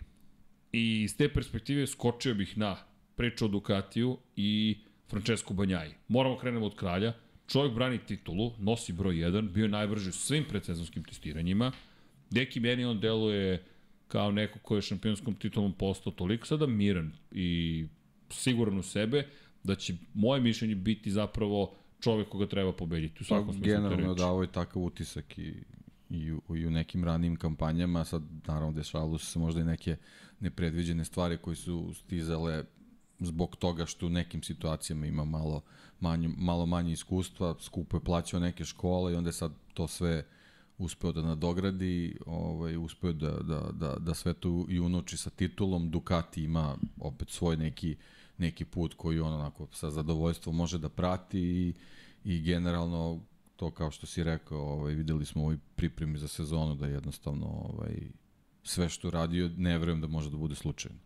Delovo je baš da, šampionski. Da, da je, ne znam, neko, neko drugi toliko sakrivao neke svoje adute, pa da je baš sad u svakom ovaj segmentu Ducati i Banjaje da su pokazali da su, da su najbrži. Mislim da je to samo jedan paket koji onako sad usavršen i ovaj, na njemu je u principu da, da, da, da to sad iskoristi. Ovaj, mnogo je trka, naravno. Mislim, moramo, moramo stalno da se vratimo na to, ali ono što je on uradio ovaj, u, u drugom delu prošle sezone pokazuje da, da, da, da stvarno su dovoljno sazreli da ovu godinu krenu po nekom planu i da, da, da probaju da, da, da taj plan polako iz trke u trku realizuju. Da, je drugačije u odnosu na prethodnu sezonu prošle godine. Banjaja je na početku sezone testirao u sred trka i testirao nove delove i postoji taj moment kada je posle trke u Indoneziji, zapravo to je bilo druga trka sezone, rekao dosta, basta, više ne radimo ovo, ovo nema nikakvog smisla, imali smo dobru osnovu u prethodnom motociklu, hajde da iskoristimo ovaj motocikl takav kakav jeste do maksimuma i tek onda da se bavimo nekim novim delovima, a ne stalno dobacujemo nešto pa, novo i da ne znamo šta radimo. To je ono što stalno spomenjemo u, u podcastima Formuli 1, ta, ta potreba da šampioni postanu lideri. On je verovatno u jednom trenutku shvatio da postoji taj, taj neki moment u segment u stvari u kojem Ducati pomalo luta i, i ovaj, gubi se u toj džungli ambicija i potrebe za tim razvojem i onda to kad, kad dođe do neke kolizije jednostavno vozači ispaštaju svojim konačnim rezultatima u šampionatima. I ako je to tako kako je, kako je rekao, onda je stvarno ovaj, i u tom segmentu izrasta u, u pravog lidera, sa titulom je zacementirao svoju poziciju tamo, tako da i to je još jedan element koji će moći dovede do toga da on u trke ulazi opušteniji a to je njemu ogroman plus u odnosu na sve što mu se dešavalo ranije. Ne, šta ja želim da vidim, izvini, njegova strategija prošle godine uglavnom je bila povesti, na početku nestati u daljini. I to je bio zaista spektakularan. S druge strane, viđali smo i neke situacije gde, ukoliko start ne bi bio idealan, bi bio dovoljno strpljiv da sačeka. I to želim da vidim i, na, i u sprint trci zapravo, da vidim njegov stav u toj situaciji, naravno zavisići od kvalifikacije, deluje da će on biti jedan od kandidata glavnih za pol poziciju. Ono što mislim da je tu mnogo važno, zapravo ono što će se dešavati u kvalifikacijama svakako, ali u tom treningu 2 kada je reč o njegovim rivalima. Mislim da moraju da mu se nametnu i u toj situaciji da mu stavaju do znanja bit će teško. Zašto? Da. da izvrše pritisak u kvalifikacijama, da ga nateraju ne na potencijalnu grešku, već na to da mora uvek da bude na maksimum. Da bude na maksimum od početka, jer to je u principu nešto što smo gledali i u prošloj sezoni kako on postepeno gradi svoj temp. Jeste. E sad, ovo kao što si rekao, znači petak, čim se sede na motocikl, tempo mora bude tu. Tempo, bukvalno. Tako da to je u stvari sad segment, segment gde on treba da se ovaj, praktično adaptira da, da, da taj prekidač od, od prvog trenutka funkcioniše, ali mislim da zbog svega što se izdešavalo prošle godine i, i skidanjem ti, tog tereta sa, sa ovim brojem 1 koji je poneo, mislim da, da, da će biti lakše da se to uradi nego na prethodni godin. Treba, nego prethodni godin. E, ajde da te pitam čuveno pitanje. Enea Bastianini. Enea Bastianini, e, sad, Enea, Enea Bastianini. Bastianini. U Evo toj sa čitavoj osmeh priči. već Da. iz mami ovde publici. Enea Bastirini, mami osmeh je. drago mi je, drago mi je zbog toga. Pazi, od momka koji je u, formu, u formuli, u, a, u moto dvojkama, hoće, neće, može, ne može, od onog poteza u Mizanu, koji, za koji si ti rekao, ovo je šampionski, do fabričkog vozača Ducatija. I Drago otkrovenja prošle sezone. Ali bukvalno, pri čemu nekako, i to nije navijački, ali Enea Bastianini kao da je jedini koji može tu da napravi darmar u svakom smislu te reči. Pa dobro, da, ali sad, znaš kako, mi smo sad možda izgradili taj neki kult njegove ličnosti, Možda. ali na njemu je da to dokaže, zato što prvo dolazi u sredinu gde je Banjaj upravo tim potezom koji si rekao Vladar. postavio ne, u stvari uzeo neku dirigensku pa- palicu u svoje ruke. Enea sad to mora čisto zbog sebe, mora jednostavno da se ubaci u tu priču, ima moment privikavanja na, na fabričku ekipu, I novog to šefa nekoju, ekipe. I to neko, I to neko, tako je, tako je, tako je. Ovaj, a onda sa druge strane opet taj moment sprinta, znamo kak, kakva je njegova trkačka filozofija. On nije, nije čovek koji na trci isporučuje u prva tri kruga nešto, nego jednostavno on, on, On gradi, gradi svoju poziciju do finiša. Ili, ili po planu, ili ako ne krene, ne ili krene po planu, 17, opet, pa ajde, da, opet, da. opet je gradi, tako da, da taj sprint njegov, njegovoj vozačkoj filozofiji ne odgovara baš Meni delo da će on kako- imati kako najveće treba, probleme zapravo. Ali i ta, i ta, ta sprint trka ima dva dela. Ima, Ima. prvi šest krugova i drugi šest krugova, tako da vidjet ćemo kako će onda da se prilagodi Da li je to tome. njemu dovoljno I, krugova? I da li, je, da li u njegovoj vozačkoj filozofiji neophodno da se pobeđuje u sprintu. I to ćemo videti. E to, i, i da li ideš on na ima- potpun rizik. On, on vozi glavom, definitivno. Znači, on će sigurno da složi neki recept za koji on misli da, da, je, da je najbolji. Marko Rigamonti mu je novi šef ekipe, to je isto pitanje. A, mnogo, mnogo delova o kojima on mora da vodi računa u ovoj sezoni. a i dalje je zver. Kontrolisana. I on je Da. rekao, čuveno pitanje od prošle godine, je li Beštija i dalje tu? Is the beast there? No. Sad, sad, ali videli smo da jeste, kada mu zatreba taj moment i deluje sa onim roze čizmicama kao da je čovek koji je rešio samo polako. Ja gradim ovde neku priču, ali ja zaista mislim da si lepo rekao, sprint će mu biti najveći problem. A onda kontra, ako nisi dobar u sprintu i ti si sad izgubio poene, a tvoj rival vodi već u sprintu, ima već 12 poena prednosti, a tek je došao, a, a nedelja tek dolazi, dakle niste još zvo, zvo, vozili zvaničnu Grand Prix trku, a ti već zaostaješ, na primjer, ako si imao lošu trku, To su sada, to je sad druga situacija. Da. Čekaj, šta sad ja moram da nadoknađujem ovo u trci? Pri čemu kvalifikacije određuju startni poredak i za sprint i za glavnu trku. Dakle, ti ako si loše odradio kvalifikacije, ceo tvoj vikend je kompromitovan. Da. A umeo je da loše odradi Umeo, kvalifikacije. umeo je da ne prođe u Q2 deo kvalifikacije, da bude 16. i 17. I sad ti u sprintu kreće 16. i 17. i u glavnoj trci kreće 16. i 17. A tvoj rival, na primjer, je na pol poziciji ili u prvom startnom redu. I rekao je Fabio Quartararo, mi ako nismo prva dva startna reda, možemo da zaboravimo pobede. Fabio Quartararo koji je ostao na Yamahi, moram da ga ubacimo u ovoj načinu, jer Fabio je čovek koji izgubio titulu prošle godine. I kad kažem izgubio, bukvalno izgubio titulu. On je imao 91 poen prednost u odnosu na Banjaju na polovini sezone, na kraju je bio drugoplasiran u šampionatu. A bio je pride i branilac titula i drugi put mu se dešava u karijeri i 2020. i 2022. da ima prednost, da vodi, da deluje kao da će osvojiti titulu i to ne učini. Tako da, Fabio ima takođe ozbiljan test, još pride šta ako se on loše kvalifikuje, gde će Yamaha u celoj toj priči. I opet se vraćam, petak kvalifikacije, koliko odjednom postoji značajne, gotovo na nivou Formula 1. Jer u Formula 1, ako si 15. i 16. izuzimam trenutno Maxa Verstappena i Red Bull, moram da ih izuzmem, šta možeš da učiniš? Pa da, i nije, nije isto poređenje zato što su dva Red Bulla u Formula 1, a ovde imaš osam. Da, okej. Tako da, e da zamisli osam Red Bullova. Ok, mislim da bi to bio u, zanimljiv koncept. To moramo da napravimo neku emisiju da, hipoteza. trenutno imamo dva cela Red Bulla i dva po pola. Zelene limenke. Što su pili prošle godine horror i njuj.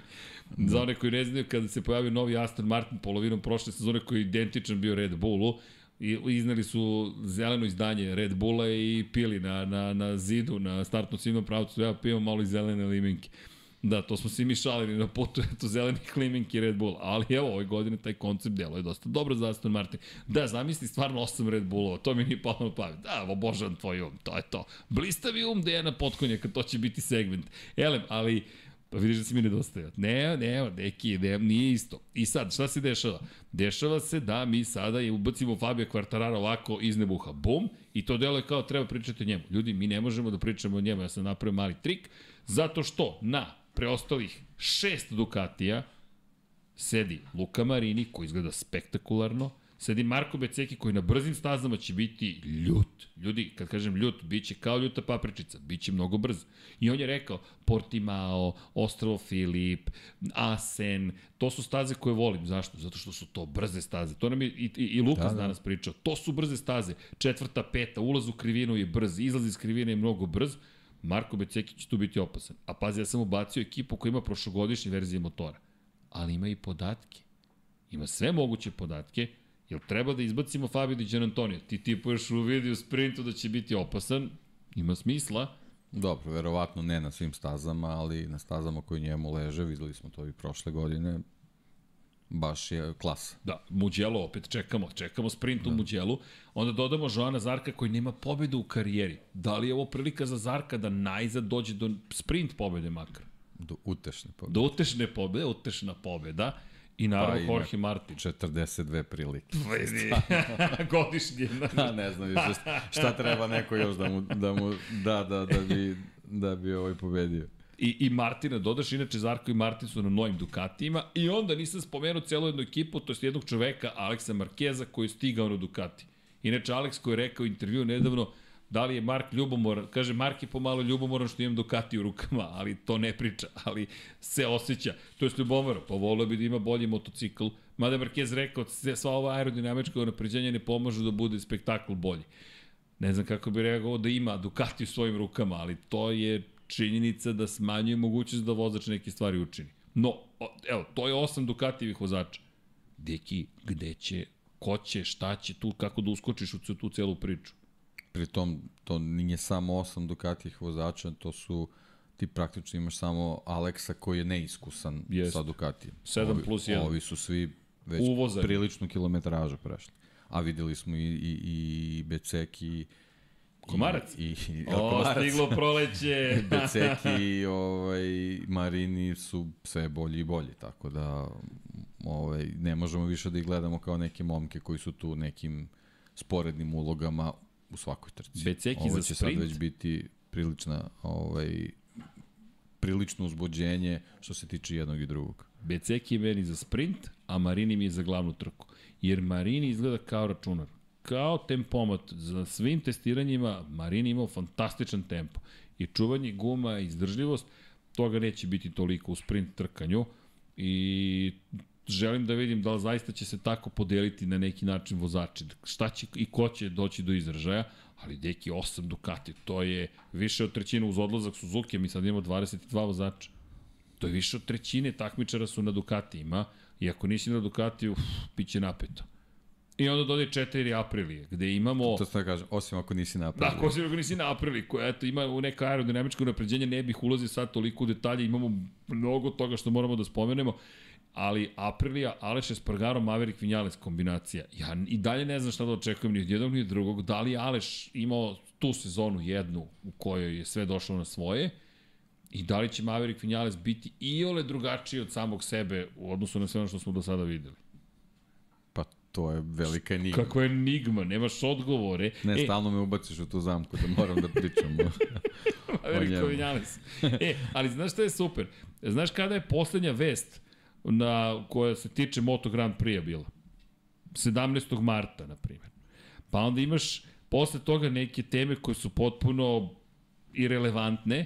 Imamo saopštenje da je RNF Aprilia predstavila novi motocikl i onda imamo uvod u sezonu. I to su sve vesti o kojima mi pričamo. Danas, za one koji ne znaju, 22. mart, pre 5 dana poslednje, Formula 1 ako otvoriš kategoriju, to je vest za vešću svaki dan, po pet vesti. Ili ti, ljudi, sve ovo što najavljamo sezonu, samo smo uzbuđeni što stiže istorija, što stiže sezona, ali zapravo sve će se tek desiti i to je ono najlepše na stazi kada dođe petak, kada dođe subota, kada dođe nedelja. Ja ne znam ko voli Moto Grand Prix ili motociklizam generalno, ako može da se odvoji ova tri dana sada od TV-a, svaka čast.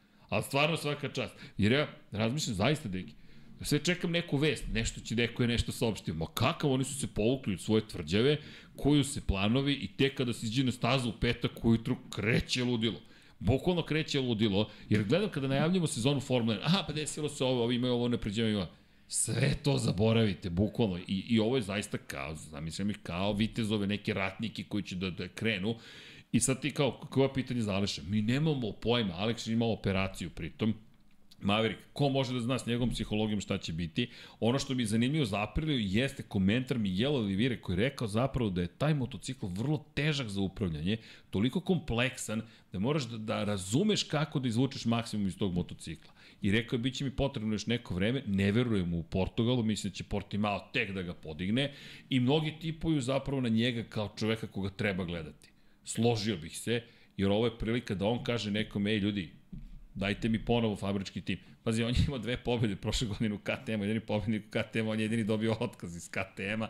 Uz je Gardner, ali to je neka druga priča, on je iz teh 3 izbačen, ali ti si se oslobodio svog pobednika. Da, okay. ali, ali mislim, on je generalno eto i kroz te izjave samim tim što je, što je izjavio da razume kako funkcioniše taj motocikl, to smo videli bukvalno u Valenciji prvog smo. dana, da kažemo, nove je. sezone posle završetka prethodne, jednostavno on je, on je od početka shvatio kako se vozi taj motocikl i ne znam, ako, ako odmah prelazimo i da pričamo o, ba, o favoritima za prvu trku, meni, sve nema šta, mislim, i, i zbog istorije, i zbog, zbog jednostavno i, i porekla i svega, i motocikla na kojem je Miguel Deki, Oliveira je apsolutno ovaj, u, u, u fokusu. Da Koga da kažem. izbacim iz grupe fa, fa, favorita? Da. Koga da izbacim? Najmanje 10 ljudi može da pobedi ove godine. To je minimum. Mi, mi ne pričamo ovde o tome da, da možemo da, da kažemo, aha, vidi, imamo Banjaju, možemo da pričamo o tituli za Banjaju, ja i dalje stojim da, da on ima najviše šanse, stojim pri tome da su najviše šanse, zašto? Verujem da taj kontinuitet koji će on pokazati tokom sezone, koji je pokazao u drugoj polovini prošle godine, će se nastaviti i ove sezone i da ćemo doći u situaciju zapravo da Banjaja samo to može da potvrdi. Na Bastianiniju je da pokaže da može da napravi taj skok u konzistentnosti, na Kvartararu. Ako je Yamaha lošija, to jest nije dovoljno blizu Ducatiju, šta to znači? Kvartararo mora više da rizikuje. E, više rizika će neminovno dovesti do problema, padova, grešaka i tako dalje. I to je ono što smo videli. Pri čemu, što ti dalje odlazi konkurencija i na šta mislim? Sa sprint trkama, koliko god da sam ja uzbuđen, onaj ko ostane pribrane, hladne glave, mislim da može mnogo da dobije u ovoj sezoni. Da uopšte ne mora da uleti u sprint, nego da kaže, da citiram Luisa Hamiltona, iako samog sebe nije poslušao, ovo je maraton, nije sprint. Tako je. Znaš, ja stvarno verujem da i uz sprint ti ako budeš dovoljno mudar, kaže čekaj, stani, nemoj se zaletimo, Jer to ono čuveno, Martin je to lepo rekao, ne možeš da pobediš u trci u prvom krugu, ali te kako možeš da izgubiš trku u prvom krugu. Ili ti, ako tu napraviš greške i neke stvari ne uradiš kako treba, gubiš. S tim što je Martin, istini za volju, rekao, to iz perspektive zapravo toga da ne smeš da pustiš da ti neko pobegne. Tako da, ko zna koja filozofija će da pobedi u celoj priči, ali činjenica je da, da, da meni teško da kažem, ej ljudi, ovo je sada situacija u kojoj mi možemo da se odreknemo nekoga. Pazi, nismo spomenuli Honda. Šta ćemo, da odjednom kažemo Mir sigurno ne može ništa, Rins ne može ništa, Mark Marquez ne može ništa. To je baš hrabro da bilo ko izgovori, ali kažem, čak i da se budu borili za 15. gledaću Honda. Meni je to intrigantno, pogotovo Rins. Deluje mi da će on hteti da pokaže svima. Pa dobro, ajde, ajde prvo malo da se, da, da se, da se još zadržimo na aprilijama, da, ovaj, a, definitivno taj, taj novi motocikl je onako prilično napredan, iako može da se kaže stvari da je to, da je to evolucija prošlo, mislim, jednostavno tu postoji neki sled kako se stvari rade ovaj, i sad naravno neko može smatra evolucijom, neko revolucijom kako god, ali, ali u svakom slučaju uh, Aprilija ima taj neki, neki ovaj, tu neku filozofiju raz, razvoja koju sledi i sad jedino što to može uh, ovaj, u nekom trenutku da, da, da, da se prenese pa da bude sindrom ovog Ducatija o, o kojem je i, i Banjaja pričao da jednostavno a, mnogo stvari mogu da, da, da možda previde zbog toga što će biti usresređeni na razvoj motocikla, a ne, ne na samo trkanje. I to je onda taj procep u kojem mogu da se nađu Aleš i, i, i, i, i Vinjales.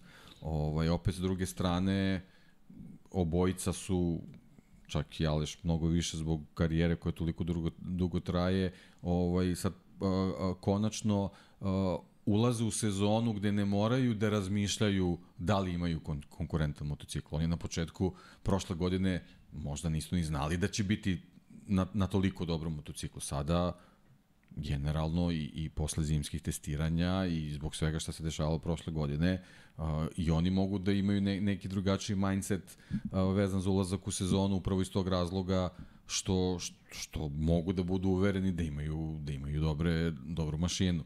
Ovaj, Aleš je prošao to, tu operaciju vezano za, za arm pump, znači da ovaj, i on može da, da bez, bez fizičkih prepreka uđe u godinu, tako da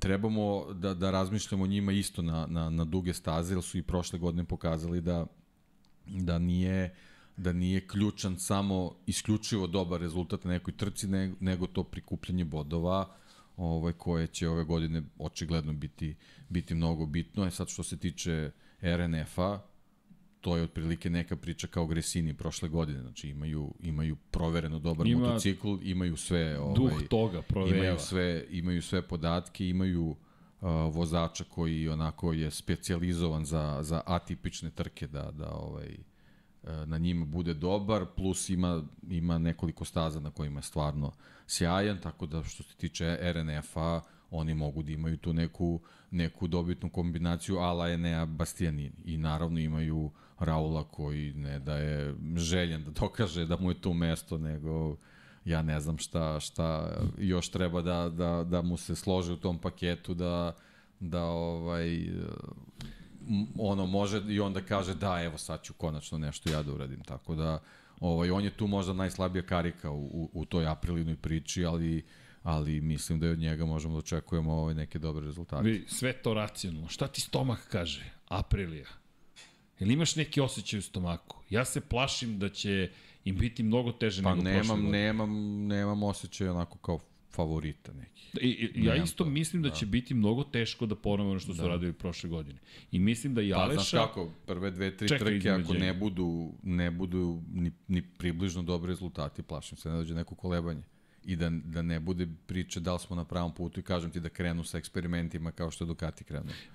Ali sve govori, svi ti aerodinamički dodaci, te, te inovacije, sve kao super Delo je raspoloženo. Sve je sjajno, ali to su testiranja, to, to, nije, to nije vožnje u grupi, to nije trkanje. A znaš kako, znaš kako se meni čini? Da, da upravo što si rekao, ako nam uspe, oni su, onda idu na vrh. Ako ne uspe, kao da će onda biti problema, voda u uši i slična situacija. Jer gde postoji ogromna razlika? Aprilija nikada do sada u istoriji nije imala ovakve rezultate. Prošlo, prošla godina je anomalija. Prošle Pa, godine prošle godine od njih izuzetak. niko ništa nije očekivao. Samo da im što duže traje ta lepa priča. To I- je jedino što se očekivalo od njih. Pa pazi, pobeda u Argentini Aleša Espargara, to je kraj sezone. Oni su tad već ostvarili sve svoje ciljeve manje više. Meni, ja sam potpuno dušen što se on čovek i dalje borio za titulu do kraja, borio pa skoro do kraja. Žao mi je što nije bio na kraju treći u šampionatu, uz dužno poštovanje prema Nei Bastianiniju koji je bio treće plasirani, Aleš je zaslužio da bude na onom pobedničkom postoju na ceremoniji dodela. Zaslužio, zaslužio, čujte, šta je zaslužio? Toliko je zapravo napredak velik za njega kao vozača. Ko je njega očekivao da će biti pobednik? Ko je očekivao da će on naređati pobednička postolja? Ko je očekivao da će Aprilia biti konkurentan motor, da će on kao kombinacija biti u duelu sa Fabijom Quartararom i Franceskom Banjajom za titulu šampiona sveta? Ja u životu to nisam pomislio uvijek je bio simpatičan, drag, relativno brz. A njegov brat Pole Spargaro uvijek bio brži u porodici. I sad jedno mi pričamo o Alešu kao zvezdi Moto Grand Prix-a. Sada, ovo što si lepo rekao, e, čekaj, sad su očekivanja druga. Sad nema nazad. Sad ti ne možeš da budeš ispod četvrte pozicije u šampionatu sveta. Ti, dakle, moraš ponovo da budeš ispred Aleksa Rinsa, Joana Zarka, Jorgea Martina, Miguel Olivire, Maverika Vinjalesa, Marka Markeza, Luke Marinija, napeto. Baš je napeto, pri čemu svi su oni mnogo napredovali. Zato i Aprilia čak, koliko god se pričali, to je Dark Horse, tu će biti. Ja pre bih gledao opet ka Miguelu Oliviri, ali nadam se da će Aleš ponovo da, me, da, da dokaže da nemam pojma o njemu i da zapravo on u sebi krije nešto što, što je zaista veliki sportista. Ne, to, Iskreno to navijam. ništa nije sporno, samo je, samo je to bitno da li je taj motocikl stvarno toliko dobar. To je to. Je to. A, ali ja i od njega želim da vidim, jer mislim da će ove godine biti teže, jer i ove godine on nosi metu na leđima. Aleš je sada legitimna meta. Čekaj, bolji sam od Aleša Espargara. Izvini, ti si bio među pet najboljih vozača sveta prošle godine. Pobedio si Jacka Millera na Ducatiju fabričkom. Pobedio si mnogo ljudi. Samo je Nea, Fabio i Francesco su bili brži od njega. Na kraju balade čovjek je bio 7 pojena samo iza Enea Bastianini. I to opet odustajanje na poslednjoj trci sezone, gde je mogao da zapravo ostane na trećoj poziciji. Tako da meni je to baš onako zanimljivo iz perspektive Aprilije. Nemam predstavu šta će... Ne, mnogo toga se ne zna, ali mi oni deluju kao zapravo da su najslabiji tim u celoj priči. Šta, šta očekujemo od Yamahe? Od Yamahe svi očekuju da bude loša. To jest da ne bude dovoljno moćna da se suprotstavi Ducatiju. To su očekivanja. Franco Morbidelli, inače, Valentino Rossi, kao šef VR46 Akademije, rekao da će 60% svog vremena posvetiti radu sa Frankom Morbidellijem. Toliko je velika kriza. Pri čemu, mnogo je priča o tome da je loš motocikl. Čak i da jeste, na istom motociklu Fabio Quartararo postiže neke nevjerojatne rezultate. I Rossi sada pokušava da oživi Franka Morbidelija, ali od Yamahe nemamo nikakvo očekivanja. Ja bar, makar nemam nikakvo očekivanja, gledam ka Fabiju i razmišljam, ok, samo Fabio ovde može nešto da uradi. Pa što se tiče Yamahe, ajde da, da, da to opišemo na ovaj način, oni nemaju dovoljno dobar motocikl. I kad pogledaš kroz neku istoriju, redko kad je Yamaha imala najbolji motocikl, samo sad je veliki problem što sad ima mnogo dobrih. Ranije ovaj, je bilo dovoljno da imaš van serijskog vozača i sve te neke negativnosti, minusi ne dođu toliko u prvi plan. I početak prošle sezone je pokazao da Yamaha ima vrhunskog i van serijskog vozača, ali da je u ovoj konkurenciji i ovoj konstalaciji ovaj, snaga u, u Moto Grand Prix jednostavno nije dovoljno da samo tvoj vozač bude van serijski, nego i motocikl mora, ako nije van serijski, onda bar mora da, da ide u korak sa, sa najboljim motociklima na gridu. E sad, ja verujem da će Yamaha ove godine ponovo na nekim trkama da, da, da, da blista, ali je problem što opet se vraćam na tu priču, ove godine ima mnogo trka. Tako da ovaj, procenat ovaj, dobrih izdanja jednostavno mora, mora da, da raste. Sad nisam siguran koliko, ovaj, koliko ima potencijala u, u, u ovoj M jedinici da, da prati ono što je potrebno Fabio. Sa druge strane, Franko je nažalost, eto, ovaj, ako je, ako je Raul Fernandez najslabija karika u toj nekoj priči vezano za Apriliju, a nije toliko slaba karika, ovamo je u toj celoj priči sa Yamahom, sa, sa samo dva motocikla, ovaj, Franko stvarno ovaj, mora mnogo, mnogo da, da promeni. Ja, mislim, ne znam, ne znam šta, šta je potrebno da, da se uradi to što kaže, što, što Rossi treba da, da radi s njim, ali jednostavno čovjek ima neku specifičnu životnu filozofiju, ja mislim da to da je to stvar koja generalno ne bi trebala da se menja na taj način, nego uh, potrebno je da, da i ekipa u stvari shvati kako se radi sa, sa, sa Frankom Morbidelijem da bi to moglo da bude bolje. Jer on nije, ja verujem da nije čovek koji ulaže neku energiju da bi motivisao druge, da ih podiže, da, da, da, da iz njih izlači maksimum tako što, što je on taj koji je lider i predvodnik i to je, to je možda malo, malo problem u toj priči i ne znam na koji način to može da se, da se prevaziće. Ne verujem da, da, da će on na taj način da postane lider, da, da, da ovaj, preko noći ta garaža oživi ovaj, na način kako neki drugi vozači uspevaju da, da podignu svoje timove. Da, razmišljam upravo ovome što si rekao iz perspektive psihologije. Franco Morbidelli je uvijek bio hipik, rock and roll, Pa on je, on je momak koji ima specifičnu životnu priču i jednostavno, jednostavno on ima, on ima a, svoje rezone sreće šta ga to zadovoljava u Moto Grand Prix. Ja nekako u ovom trenutku kad to gledam, ja, ja ne bi ništa radio da to menjam kod njega. Znači njemu samo treba dobar motocikl. I, I podrška on će, on da bude ono što jeste. koliko je brz, da, ali, ali on ne traži tu podršku, znači on je, on je savršeno na zemlji. On je svestan da, da niko ne mora ga tapše po ramenu da bi on zbog toga bio bolji. On, on, je, on, je, on je dobar kad taj sistem funkcioniše, ali on nije taj koji, koji želi da, da uzdiže sistem. A znamo, eto, Yamaha, nažalost, kroz dve, tri sezone vidimo da to ovaj, nije baš sistem koji, koji funkcioniše u ovom, u ovom krugu Moto Grand Prix na način kako sad taj krug zahteva. Tako da ovaj, to je to je sad sad ovaj mali problem, a kažem dodatni je što sa dva motocikla ta ovaj čitava priča i, i, i podrška generalno ovaj Fabiju nisam siguran da da može da bude na nivou koji koji zahteva te te čet, koji zahtevaju te 42 trke. Da, da li ti, da, ako te ja dobro razumem, da li ti zapravo deluje da mu treba malo ljubavi? Pa, da. Meni deluje da, samo to. ali to nisam siguran da u Yamahi ovaj, Ne funkcioniše tako. pokazuju. Da. Možda i to ne, Rosijev ne, cilj. ne sa njim, nego generalno. Generalno, to je samo Da. princip. Mislim, eto i prema Rosiju su baš iskazali veliku Manjak ljubav. ljubavi. Da, Da, da. Za razliku od njega, koji eto opet uz celu svoju priču je ipak uz Yamahu. Pa i uz Morbidelija. Pa dobro, da, Da, to je ajde, ajde pri, prirodno, To je to. ali To je to. Ne, ali pri čemu je čovek koji ima ekipu koja koristi Ducatijeve motore. Ne, ali samo to su nagađanja, ali meni delo je zaista da, da, da si ti pogodio, ne pogodio, da ti je analiza 100% na mestu, da zapravo Frankiju treba pomoći samo da prihvati sebi da je sve okej. Okay. Da i dalje sve zaista u redu. Nema potrebe da se šiša. Pusti tu kosu, budi šašav, budi ono što si od uvijek bio. Zašto bi ti iko sputavao? Kada kažeš šašav, mislim na jedan lep način, zabavan, mladi čovek koji je inteligentan i koji treba samo da ima podršku i daj sve sebe. Jer na kraju dana psihologija igra ogromnu ulogu. Nije samo pitanje motocikla. Motocikl očigledno u Fabijevim rukama funkcioniše. I rekao i, i kada su vozili zajedno u RNF-u, tadašnjem zapravo Petronasu, da nije znao kako da koristi motocikl, da je vremenom učio i da ga je Fabio inspirisao da napreduje.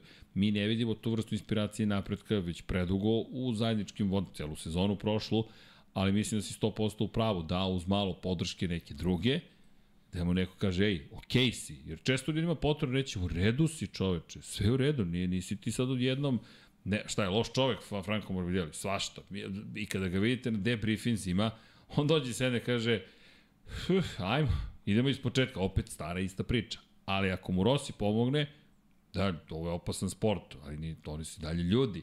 Na kraju dana možda će to zaista, možda je to ono što Rossi pokušava trenutno da uradi. Ej, prihvati sebe i vozi. Jer ja zaista mislim da to može da pomogne. Da, da, moguće ovaj, e, i, i, i da nije imao dovoljno te, te Rosijeve podrške, ono, Rossi je ovaj, imao dosta nekih drugih fokusa, što formiranje ekipe i, i videli smo na kraju krajeva i, i pomoć o, Peku u finišu prošle sezone, a sad je možda Jest. prilika da se više možda posveti Frenkiju, tako da možda, možda i to, ovaj, možda Rossi ima taj neki čarobni štapić, ovaj, pošto on, on ga u principu najbolje poznaje, mislim, on je stvarno njegovo dete, tako da... Bukvalno. Ovaj, o, moguće da će, da će i Frenkiju da, da, da znači ovaj, podrška na taj način pričali smo o tome, samo za oni koji eventualno ne znaju, nažalost Franco Morbidelli je ostao bez oca na, na, neću reći najgori mogući način, ali verovatno najteži koji izvršio samoubistvo i Rossi ga je prihvatio kao bukvalno svoje dete, pri čemu se to poklapa i sa momentom kada smo svi zajedno ostali bez Marka Simoncellija i Markova smrt i činjenica da je susreo Franka Morbidelli i u toj situaciji na taj način dovelo do formiranja VR46 Akademije. Franco Morbidelli je prvi šampion Akademije kada je svoju titulu 2017. u Moto2 klasi i Franco Morbidelli je uvek nekako bio kao dete sreće, neko nasmeja, veseo, rock and roll, kombinacija italijan, brazilskog porekla, pa ima italijansku zastavu, pa ima brazilsku zastavu, pa ceo taj spoj još iz VR46 Akademije uz podršku Rosije, pa onda Francesco Banjaja osvoje titul 2018. Trebalo je Lorenzo Baldassari 2019. To je neka druga priča, ali činjenica je da je Franki, Franki stvarno imao taj moment relax, opušteno je nekako uvijek bio Frankiv zaštitnik. Dakle, bio vice šampion 2020. godine. E sad je taj moment moguće i zašto mu posvećamo vreme? Dva razloga. Ljudski je. Druga stvar, Franco Morbidelli je ozbiljan vozač. I ima treća stvar, ukoliko se ništa ne promeni, ovo je možda poslednja sezona Franka Morbidelija u Moto Grand Prix. Tako da je ovo šansa da se veliki talent zapravo spasi. Da li će uspeti? Naravno, pre svega je na njemu, ali eto, to je neka priča koja postoji. Njegovo mesto Ko vreba? Pa čujte, mnogi pitaju što bi neko išao fa fabrički tim Yamahe? Pa zamislite da vozite za privatni tim bilo koga i pozove vas fabrički tim Yamahe.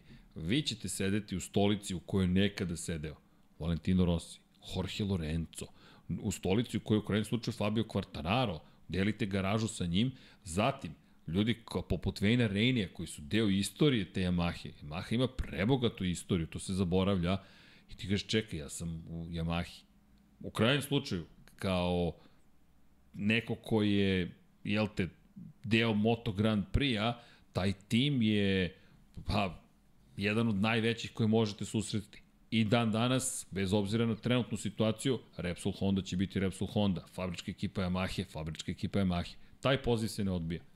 Taj poziv se ne odbija, mnogi tipuju na Jorge Martina, da on zapravo želi to mesto, ali nemojte zaboraviti ni Raula Fernandeza. Yamaha je želela Raula Fernandeza. Nešto je videla u njemu i to su veze koje se redko izgube, jer postoji ljudski, lični taj neki kontakt, neki osjećaj imate s nekim dobar, dobru komunikaciju. Raul možda ni sa kim neće imati osim sa, sa Yamahom, ali čujte, ni Jorge Lorenzo nije bio jednostavan za saradnju, pa je svoje tri titule na Yamahi. I bio je naravno spektakular. Ne bih poredio nikoga sa Jorge Lorenzom i tom generacijom nužno, ali mada, mada, glavni čovek u garaži Francesca Banjaje je rekao da isti stil vožnje imaju Banjaja i Jorge Lorenzo kada se pogledaju podaci. I kaže, bukvalno kao da gledam Jorge Lorenzo na motociklu, tako mi stvari trenutno izgledaju, tako da da prosto ne zaboravimo i, i, i taj moment, ali ok. Idemo dalje, idemo nazad zapravo na, na onaj početak, a kada govorimo o, o generalno očekivanjima od Yamahe, a zaista svi gledamo, verujem da svi gledamo zapravo bukvalno ka, ka jednostavno Fabio Quartararo kao i jednom nevjerojatnom izuzetku. Mnogo je navijača Fabio Quartararo, mnogi me pitaju šta će biti s Fabijom, hoćemo, jel mogu da navijem za Fabio, hoće li uspeti? I ja kažem, ljudi, neko nema pojma. On je prošle godine pobedio na ovoj trci. Inače, topla preporuka, danas je to i Lukas pričao kako se sprema za trke. Pogledaš prethodne dve sezone trka na toj stazi. Ako želite da bolje prognozirate ili shvatite šta će se desiti, staro pravilo, pogledajte prethodne dve sezone, pogotovo u motociklizmu, mnogo toga mogu da vam otkriju. Samo da se setimo, prošle godine Fabio izdominirao na ovoj stazi, bukvalno nikom nije mogo ni da mu priđe, izgledao je sjajno. Da li može da ponovi kvalifikacije u Portugalu, da li može da ponovi trku, to su ta pitanja na koje niko nema odgovore, ali da ne zaboravimo da je zaista u Portugalu izgledao sjajno. I prošle godine Fabio ovde zabeležio prvu pobedu u sezoni, imao i najbrži krug i kada pogledate kako su izgledale kvalifikacije, Fabio je bio peti na startu. Na pol poziciji Joan Zarko, drugo mesto Joan Mir na Suzukiju, treće mesto Aleš Espargaro na Apriliji, četvrto mesto Jack Miller na Ducatiju i tek onda dolazi Fabio Quartararo. Ako se pitate zašto tipujemo na Marka Becekija u svojoj debitanskoj sezoni, Marko Beceki, pozicija broj 6. Čisto da ne zaboravimo koliko voli ove staze. Gde je u celoj ovoj priči svetski šampion bio? Ako se vratite u to vreme, jedan od onih incidenata koji se tekako pamte, Francesco Bonjaje koji zapravo, neću kažem incidenata, ali situacija koja koje nisu, pa nisu one najbolje situacije koje možete da, da, da doživite, ali situacija u kojoj jednostavno kvalifikacije nisu protekle na kako su oni želeli, poništen mu je, poništen mu je krug, nije vreme postavio i sa začelja su krenuli zapravo. Tako da na kraju trke kada pogledate kako su stvari izgledale, došli smo do toga da zapravo je neka potpuno drugačija trka vožena u tom trenutku. Inače, Francesco Banja je došao do osme pozicije do kraja trke, iako je krenuo bukvalno sa začelja. Za one koji su zaboravili čuveni incident sa žutim zastavama, gde on skreće u levo, žuta zastava je negde u desno, njemu je glava sa leve strane, on to ni ne vidi, ne pušta gas, poništava se krug i on odjednom nema adekvatno vreme da uopšte ode dalje, nije ni klasifikovan bio. Tako da je Fabio imao tu u tom trenutku u tom duelu 1 na 1 sa, sa Banjajem dosta slobodni prostor. Ali 5,4 sekunde ispred Joana Zarka i 6 sekundi ispred Aleša Espargara. Baš je izdominirao u toj celoj situaciji. Inače, Miguel Oliveira je na KTM-u bio peti, a četvrti je bio Alex Rins, čuveni moment kada je bio izjednačen u šampionatu sveta sa Fabijom Quartararom, kada je reč o borbi za titulu šampiona sveta. I tako dalje. Ali dobro, moram se malo da nas vratim, pošto u tom momentu u Moto Grand Prix se zaista dešava druga situacija. Fabio skočio na prvu poziciju četiri mesta nadoknadio tom pobedom. Alex Rins je imao isti broj poena, 69. Aleš je bio na poziciji broj 3, a Enea Bastianini je sa prvog mesta pao na četvrto. I nije se proslavio na toj trci. Na toj trci je pao, između ostalog čisto kao uvod u neku vrstu najve sezone, ali nismo imali sprint, tako da naravno nemamo predstavu šta nas tu čeka. ali, deki, kada izmešamo sve karte i pogledamo kako stvari izgledaju, prognoze su ljudi nemoguća stvar. Da znamo, verujte, pa ne znam, smo išli negde i rekli, ok, ajde da unovčimo ovo. Ja ne bih ja to ne volim, meni to naporno, ali činjenica je da, eto, kada pogledamo prošlu sezonu, ima razloga da se pogleda ka Fabio Quartararo i kaže, hej, možda je ovo staza gde nešto može da se uradi, uprkos činjenici da ovo staza ima neke zaista brze deonice. Ali, opet, ko je zaista pobedio u predsezonskim testiranjima, to jest u razvoju svog motocikla i nemojte im verovati to što su pre dve nedelje bili na stazi da to išta znači. Vratite se u sve predsezone prethodnih godina, ovo što je Deki rekao, napeta situacija. Ko je tu zapravo odradio posao dobar? A, dakle, ba, Fabio na Yamaha imam poruku Leclerc u Ferrariju. ne bi ja to baš tako. Nije, nije, nije, nije predaleko. E, dakle, da, dobro. Mi imamo ovde situaciju koja, pa ne bih baš rekao da me podsjeća na to. Ne bih baš rekao da, da me podsjeća na to. Nije. Fabio, pa ne znam, Leclerc nije šampion bio, mislim da nije adekvatno, da, nije moguće poređenje, ali da je izuzetak u ekipi svakako jeste. Trenutno, to je situacija. Mada, ono što bih se ja vratio jeste 2019. godina, to je 2020. Kada Fabio deluje da će biti bolje, onda Franki to obrne nekako. Ne vidim baš da će se to ponovo desiti, ali ej, hajde da sačekamo sezonu pa da vidimo kako se to dešava.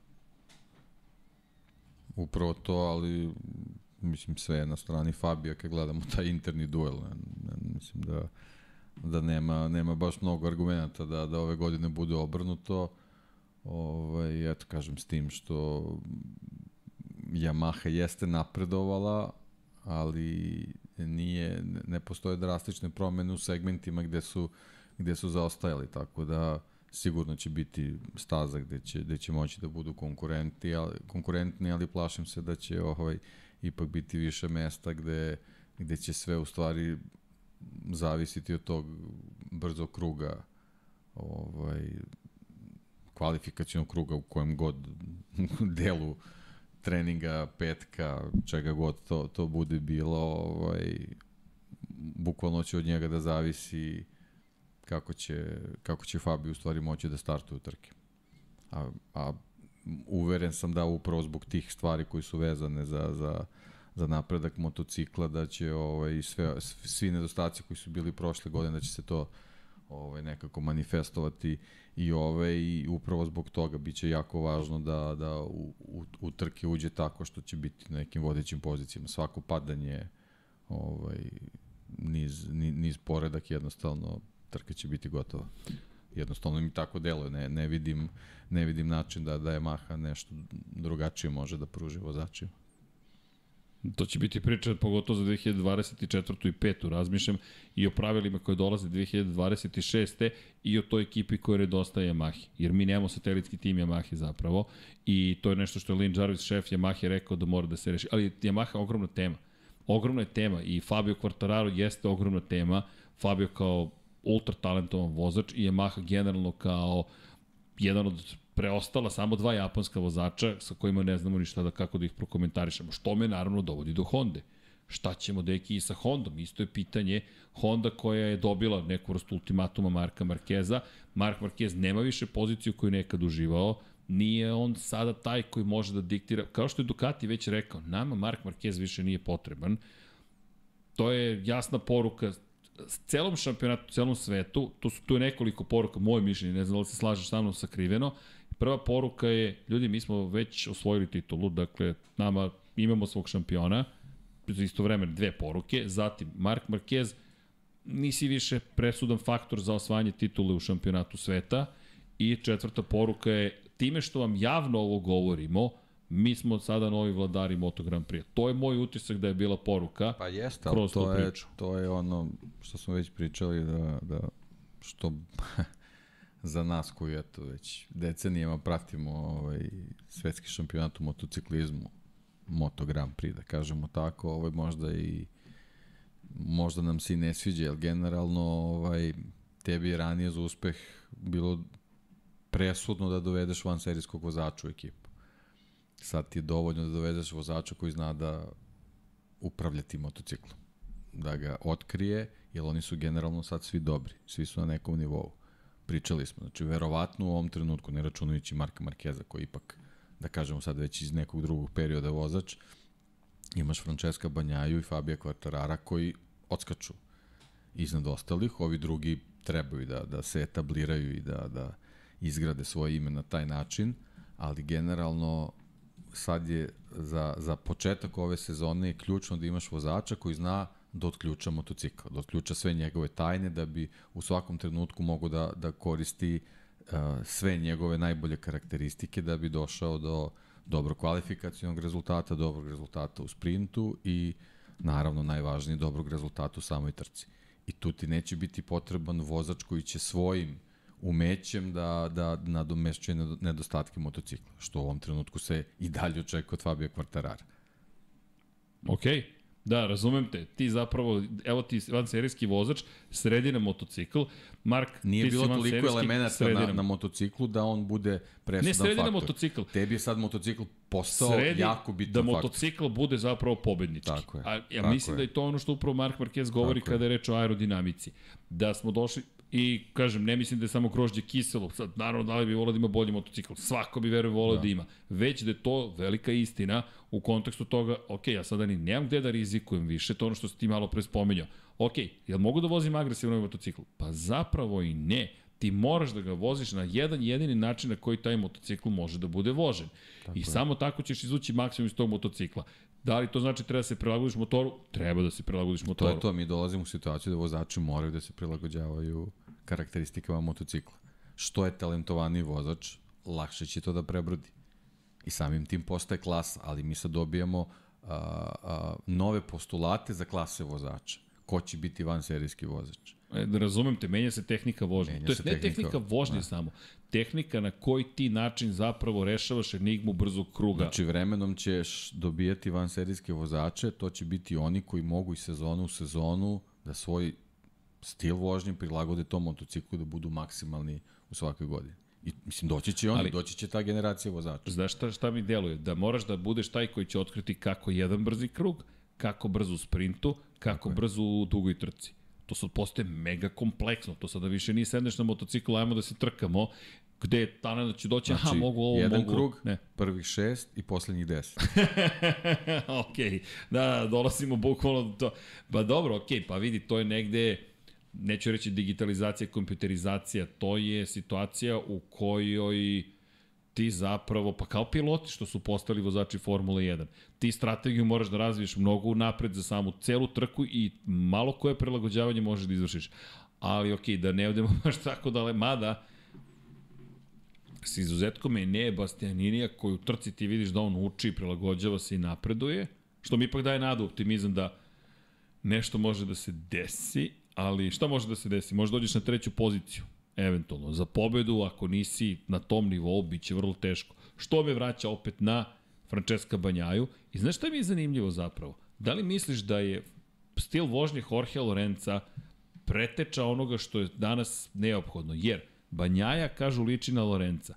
Fabio Quartararo kaže ja sam učio od Jorge Lorenza i dalje primenjujem njegov stil. Čak mislim da i Jack Miller spominjao Jorge Lorenza na Ducatiju, ne bi li se prilagodio onome što su radili. Pazi, to je jedna osoba kod više ljudi koja je pobeđivala na Ducatiju, koja je pobeđivala na Yamahi osvajala titule, nije uspela na Hondi, ali Jorge Lorenzo sa tim svojim kompjuterskim stilom, nekome se sviđao, nekome se nije. Ljudi, Mugello na Ducatiju, 2018. godine, ono je jedan od najboljih trka koji je iko ikada odvezao. On, on, on, ono što je odvezao, samo pogledajte na kraju onaj kadar kada izbace njegove krugove. Ono je neverovatno. A zapravo već tada smo počeli da imamo krila na Ducatiju, već tada smo imali vrlo naprednu aerodinamiku, u odnosu na današnju, ok, to je, to je rudimentirana stvar, ali već tada zapravo motocikli idu ka tome. I opet kod njega šta je pomoglo jedan detalj, jedna, jedna sitnica koja je pomogla da on zapravo može da izvuče maksimum iz tog motocikla. Tako je, te, te sitnice će u stvari biti taj, taj neki individualni faktor na, na, na motociklima. Ali, ali nećeš u, u ogromnoj meri moći da utičeš na, na njihovo formiranje i na njihov razvoj. Ali, eto, verovatno će još, još neki period biti ta mogućnost da vozač e, sa nekim individualnim intervencijama na nekim sitnim detaljima ovaj uspe da da da da se ovaj da da otključa taj motocikl i da da ovaj izlači iz njega maksimalne performanse. Okej. Okay. Sad gledamo ko će biti sledeći koji otključava performanse, ali to ono što se vraćamo, kolike su zapravo male razlike i finese u, u krugovima koje viđamo, ali šta sad to znači? Ja, ne, moramo, da. da, moramo da prekopamo po nečoj glavi od vozača i kažemo, ok, kako nalaziš ovu desetinku? To ti zato, zato se opet vraćamo ono, 30 godina nazad i priče o Kađivi koji je bio motocikl ispred da, vremena da, da, da, da, da Jedi Lawson jedva uspeo da, da, da nešto uradi sa tim motociklom. Uh, neko me pitao koji je Dekijev motocikl. Rekao, postoji samo, samo jedan, jedan. Kađiva, ljudi, tu je kraj priče. I kad se vratiš na tu Kađivu, zaista ona izgleda toliko ispred svog vremena, izgleda spektakularno. E, ali znaš šta, ja sam već optimista jer odustajem od toga da će ovo, a mislim da ni ti ne odustaješ, nego da samo analiziramo kako stvari stoje. E, naš sam danas da baš neke slike, luda. sad ću ti pokažem, ne mogu sad da podelim sa svima, ali tebi ću pokazati. Da, ajdemo. Ovaj, imaćeš ekskluzivu, da kažem. Pogledaj ovo. Da, wow. To je Kađiva, to je Lawson, a gledaj sad ovo. Aha, okej. Okay. Okej. Okay. Znači ćemo ove slike da, da, Legalno. da, da budu legalne, pa ćemo pokazati. Kađiva iz 91. iz Gas Gas Gas iz 2023. Koliko je slično. Koliko je slično zapravo, kao da si uzeo i rekao, čekaj, to je motocikl koji dan danas može da se vozi. Malo je robustniji, samo malo, malo, malo. ali ništa više od toga. Izgleda ljudi identično. Dakle, uzmete gas, gas i stavite kađivu koja je stara 30 godina i deluju kao da su isti. Ono što je napredano, naravno, na, mašinski materijali, elementi i tako dalje, i tako dalje. Pa legure sve Legu, živo. A misli sve da. i, i, i način na koji su i procesi proizvodnje i koje su zapravo greške, koje su da. zapravo stepeni kada pogledaš i sigurnosti, verovatno, mada pitanje da su se smanjili, nisam siguran da su se smanjili, moram mašince to da pitam, s obzirom na činjenicu da je mnogo napredovala obrada metala. Ali, da se mi vratimo vamo, činjenice kad živa kao kao neka, ne mogu reći baš referentna tačka, ali kao neš, ma jeste na referentna tačka na pogled u budućnost. Otprilike kreneš od Kadživi i kažeš to je to. I neko mi je bio poslao, ne mogu to da nađem, našo je na prodaju tu Kadživu, to je uličnu verziju pre jedno godinu i po mi rekao, evo kupite deki za rođendan, neko vidi, vrlo rado. Kupite, kupite. da, da, za one koji ne znaju, Kadživa je zaista, svašta je pravila Kadživa. I sarađivala sa mnogima. Kadživa... Da, iako je delovalo da je Ducati u stvari ta, ta priča, meni više Aprilia sa ovim elementima ide na, na taj neki ovaj, uh, razvoj koji u stvari uh, teži da bude inovacija. Tako da ovaj, vidjet, ćemo, vidjet ćemo dokle generalno ta Piaggio grup, grupacija spremna da ide sa Aprilijom, sa tim programom u Moto Grand Prix. Da, inače, za one koje zanima koja Kadživa je u pitanju, Kadživa GP 500. Dakle, to je motocikl koji ne. samo uzmete, pogledate, zaista kada, po, kada se setite da to u to vreme Ađip bio sponsor i Ferrariju i Kadživi, to je snabdevač motornim uljima, gorivima, mazivima i tako dalje, izgleda kao Ferrari, bukvalno na dva točka. I to je jedan motocikl koji je bio zaista blagorečeno spektakularan. Uh, govorimo o V4 dvotaktnoj od 500 kubika. I trojica kubika. spektakularnih vozača su se tu smenjivala. Jeste, dakle, za oni koji ne John znaju... John Kozinski, Randy Mamola, Eddie, Eddie Lawson, mislim, stvarno, onako, ozbiljna plejada vozača i borili su se, mislim, to je onako, Rode ozbiljan bio kroz dve, tri sezone. Neverovatan motocikl, zaista. Mislim da je 91. pobjeda stigla Lawsonova. Tako beše, 90 ili 91. A ne mogu da se nije, Dobro, nije ali, bitno, ali, ali, ali redko, redko jest. je bilo. I baš izgledala kao Ferrari. Me, meni to baš onako, ne, ne Ducati, već Kadživa. I pogotovo da. to, dvotakna cela priča i tako dalje. Ali odosmo mi u neku drugu priču, da se mi vratimo u moderni Moto Grand Prix.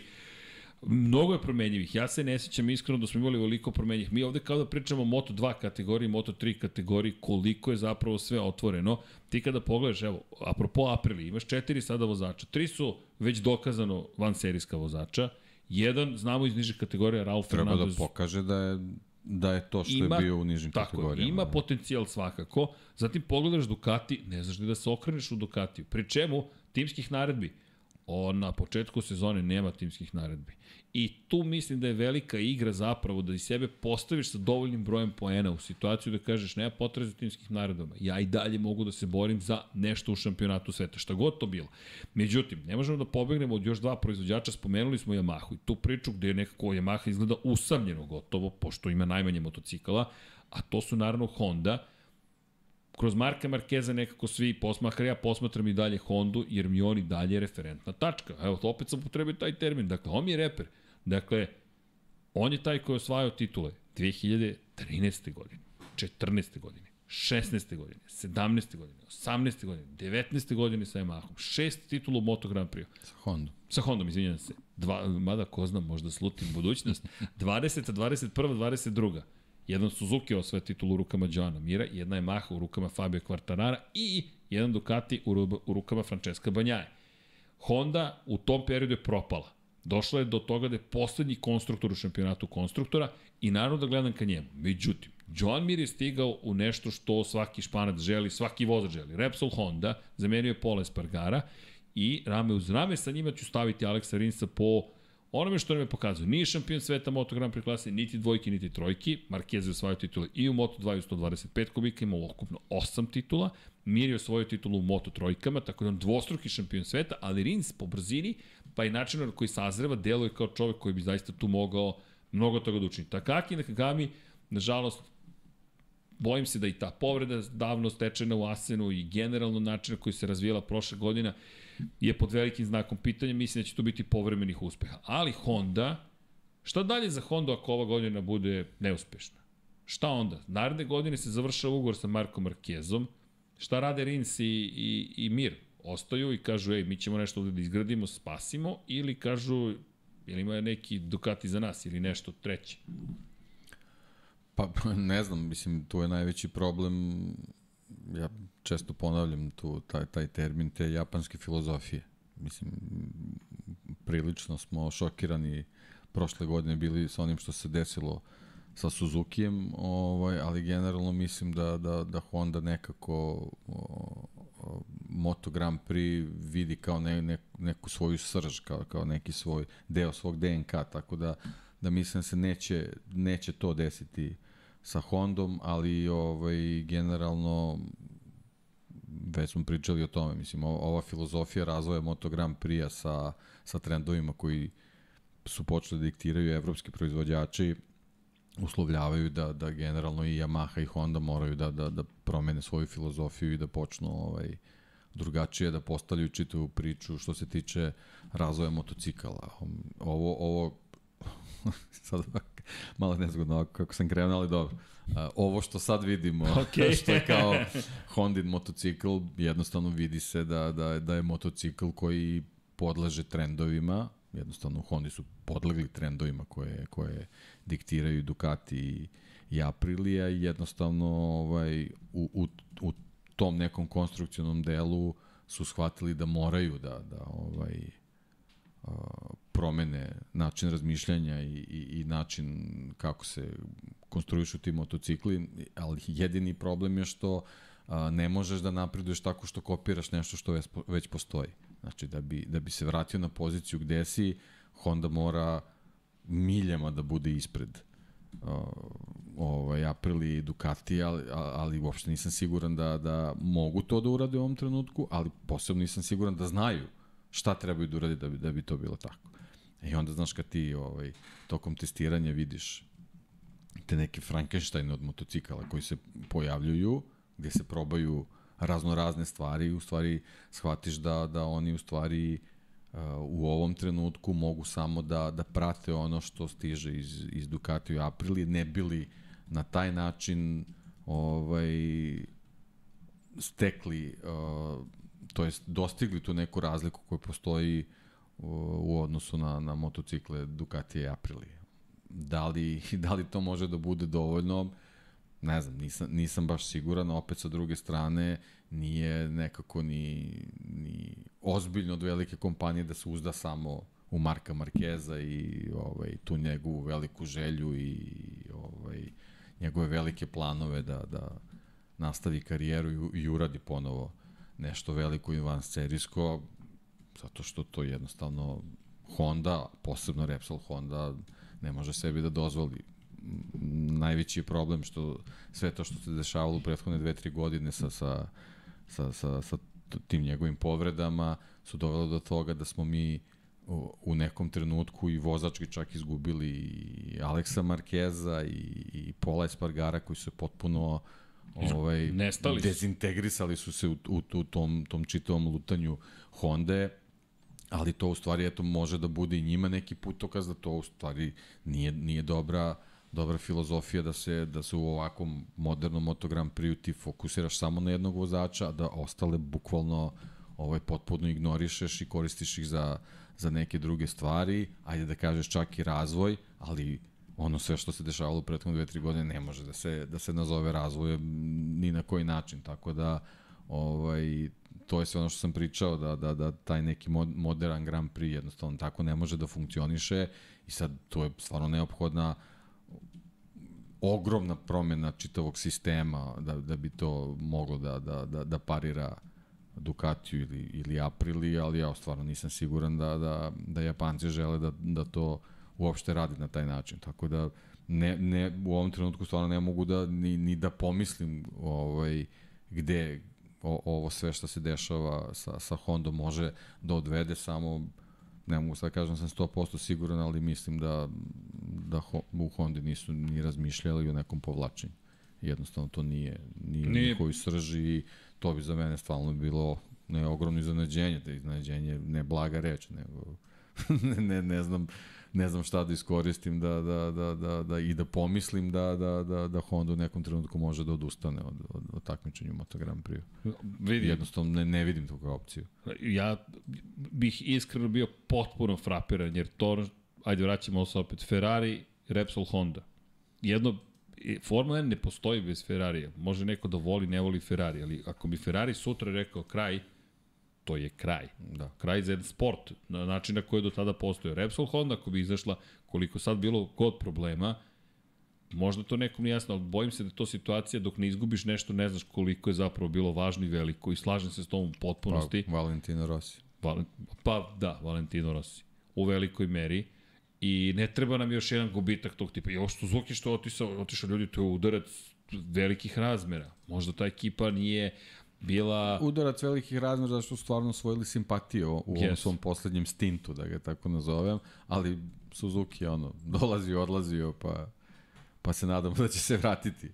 Ali Repsol Honda, to jest Honda, ranije Rotmans Honda ili kako se već sve zvala, je stvarno ekipa koja onako postavila moderni Grand Prix na, pa čekaj, na, na deki, da li ima neko ko ne pamti, da li Valentina Rosija na Repsol Hondi, da li Mika Duona na Repsol Hondi, da li Nikija Hejdena na Repsol Hondi, da li Marka Markeza na Repsol Hondi, mi govorimo sada o decenijama, 90-im, početak 2000-ih, Hayden je 2006. osvojio titulu, Pazi, u Americi dan danas ćeš naći Repsolke sa brojem 69. Pa Repsolke. ne samo to, mislim, tebi je modern, moderni Moto Grand Prix nastao sa pojom RCV. To je, Honda ti je, Honda ti je postavila to. jeste.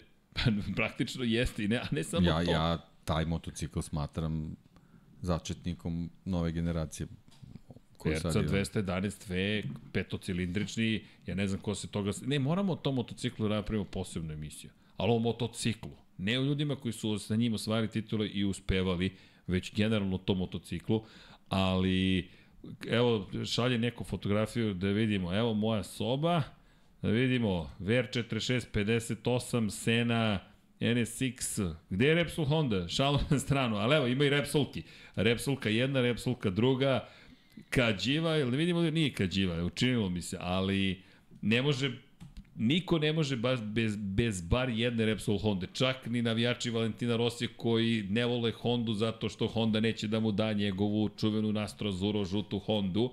Repsol Honda i dalje postoji i Repsol je tu. Pri čemu pazi asocijaciju Repsol i Honda? Kada je Repsol japanska kompanija, a Repsol je španska kompanija, ali Repsol Honda idu ruku pod ruku zajedno, čak i kada su australijanci, stvarite, izvini koga sam zaboravio, Casey je stonera na Repsol Honda koji je svoj titul. Da, Alex Krivije. Alex Krivije 99. godine. Tako ispadaju šampioni, samo ih zaboraviš, a oni su takođe bili tu. Andrea Doviciozo vozio na Repsol Hondi. Dani Pedrosa pobeđivao na Repsol Hondi. Teško je zamisliti scenu u kojoj Repsol Honda kroz te decenije ne figurira na ozbiljniji način u šampionatu. Da li za titulu, da li za pobedu, ali nije na 15. poziciji. I slažem se s tobom, mislim da tu neće biti odustajanje. Da neće biti odustajanje, samo se ne znam, šta ne znam šta je sledeći korak. Šta ti radiš ukoliko ti ovo ne uspe? Doveo si Kena Kavaučija i ja iz te perspektive opet se vraćam na početak. Mark Marquez mi deluje kao čovjek koji će rizikovati mnogo ove godine.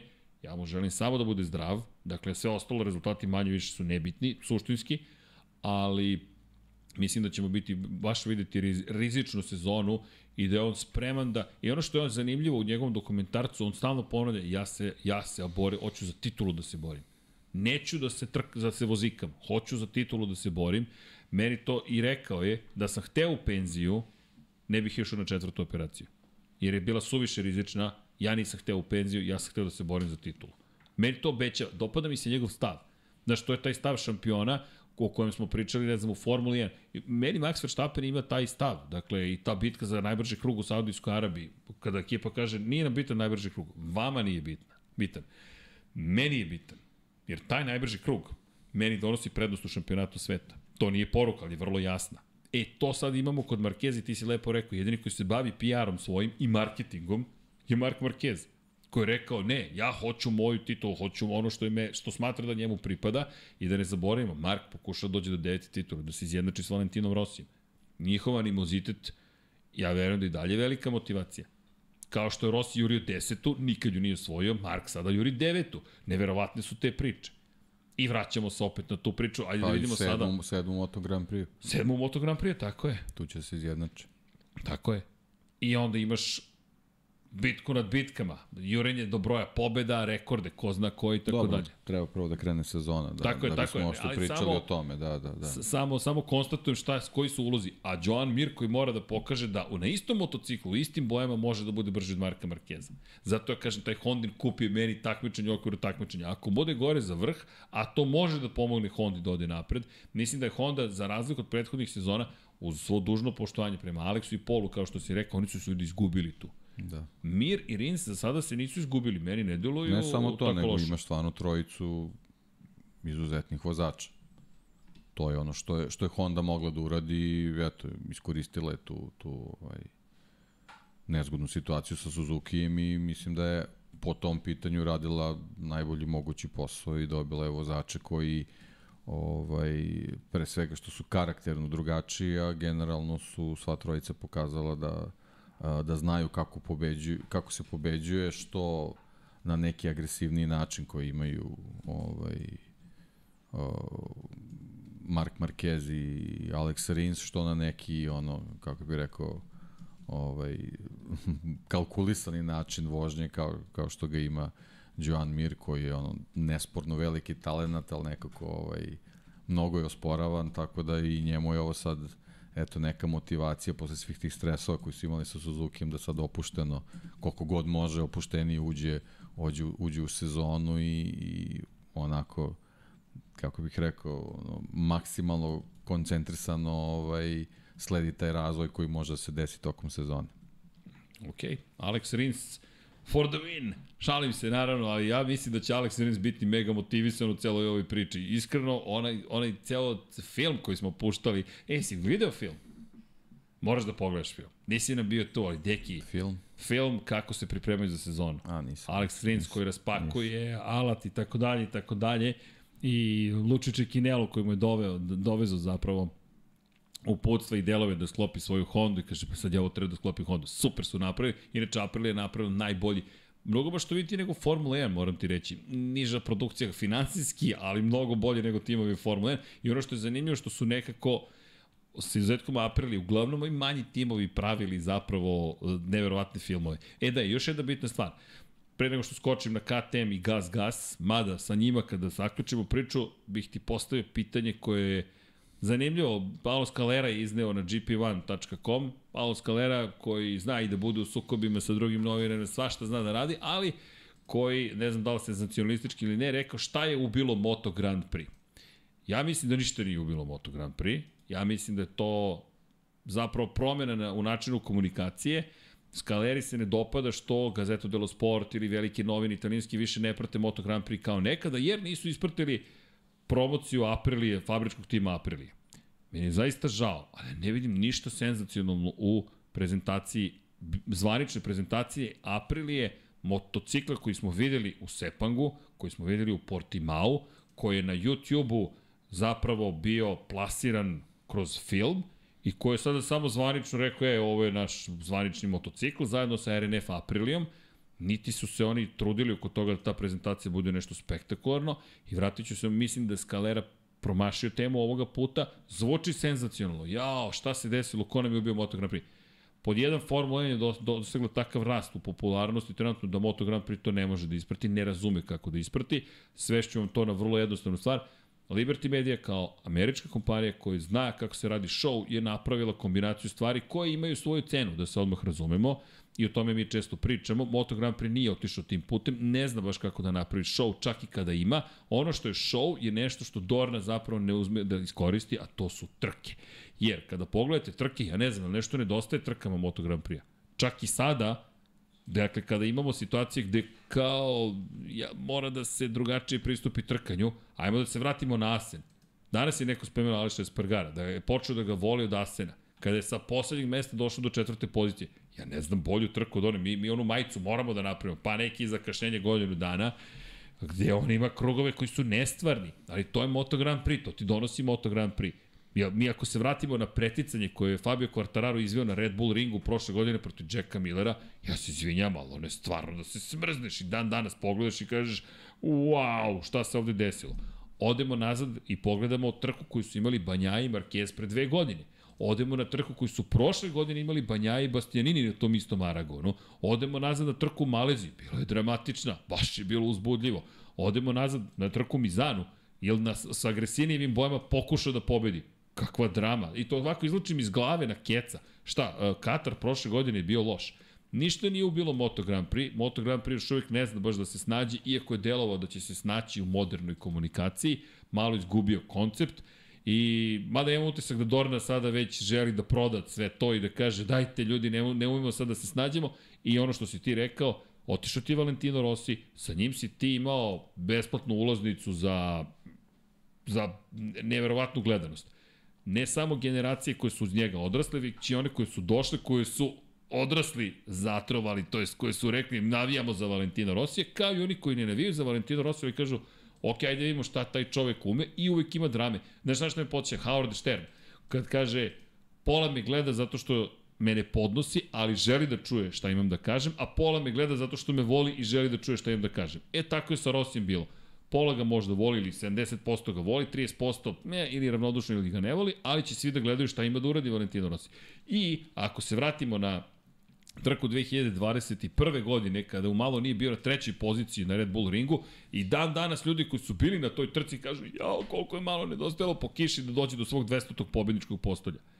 Ništa ne dostaje Moto Grand Prix osim dobrog marketinga. A glavni direktor marketinga otišao čovek u penziju, vozi hiperautomobil. To je neš hiper, sad, sad, je, sad je u GT trojkama, ali polako napredovać. Čisto, izvini, to je sad bio moj rent. Šta ne, ne, da se sve je okej, okay, ali to je generalno, posebno kad pogledaš tu priču oko mainstreama, uh, Formulu 1 uh, su činili vozači, ali Formula 1 je uvijek bila fascinacija uh, i generalno taj kult su pravili automobili, zato što su u nekom periodu stvarno bili kao iz drugog sveca, potpuno ne, nedodirljive stvari. Ti jednostavno kao običan čovjek nikad nisi mogao da ne, nikad do, do skoro, do pre dve decenije ti nisi mogao ni, ni da sanjaš da ćeš sesti i voziti nešto što je slično ovoj Formuli 1. Sa druge strane, uh, motociklisti su uvek bili u tom svetu, voleli su to zato što si ti na koji god točkaš da si seo, ti si mogao da maštaš da da voziš taj neki Moto Grand Prix motocikl i generalno uh, Moto, Moto Grand Prix se uvek oslanju na te svoje superstarovi, te neke zvezde i njihove bitke. E sad, tu je, tu je sad, sad se desila ta promjena da imaš vozača koji su praktično izjednačeni i naravno jako malo ovaj rade na, na, na PR-u i onda, onda dođeš u tu situaciju da se zakopaš i ne znaš, ne znaš šta ćeš tim. I ovo što Mark Marquez radi uh, i u stvari pokazatelj da je svestan šta treba da se radi da bi, da bi ovaj, bio, bio ovaj, u centru pažnje, ali generalno ni on očigledno nije, nije ovaj, um, kako bih rekao, dorastao tome šta je, šta je radio Valentino Rossi. I u stvari čitava ta priča oko Valentina Rosija je, je bila kostur i držala sve to ovaj, uh, oko Moto Grand Prix da, da, da u stvari bude ta senzacija kakva jeste i kakva zaslužuju da bude zbog trka koje se de, dešavaju i, i sa, da krenemo još od Gibernaua, pa preko Stonera, Lorenza, Pedrose i tako dalje i tako dalje. Mislim, svi, svi oni su i dobili te, te titule vanzemaljci zahvaljujući Valentinu Rosiju koji držao tu, tu čitavu priču na, na, na nekom nivou, zato što su svi u stvari fokusirajući se to, to što kažeš, pratići šta on radi, u stvari shvatili koliko su i neki drugi vozači dobri. I to je ono što, što sad nedostaje. To je u stvari povratak Marka Markeza na, na pravom nivou u Moto Grand Prix će u stvari podići vrednost vozača koji, koji budu mogli uh, ako, ako dobijemo njega u borbi za vrh, vozača koji njega budu uspevali da dobiju, a pre svega mislim na ljude koji su već ovaj, malo odskočili kao što su Peko Banjaje ili ovaj, Frank, o, Fabio Quartararo, ovaj, oni će dobiti na svoje vrednosti i možda će na taj način moći, moći da konkurišu za, za titule superstara i da se na taj način Moto Grand Prix zavrti na, na, neki, na neki drugi nivo koji će podići čitavu tu mainstream priču i ovako uh, generalno podići interesovanje za Moto Grand Prix. Ja mislim da smo dali odgovor kompletan na tu priču šta nedostaje Moto Grand Prix. Apsolutno ništa zapravo i, sve, i vreme će to... Apsolutno Ljudi, ništa, sve je okej, okay, a konačno mi smo tu. E, Skalera nas je pohvalio. Ne treba, ne treba na marketing da bismo pratili.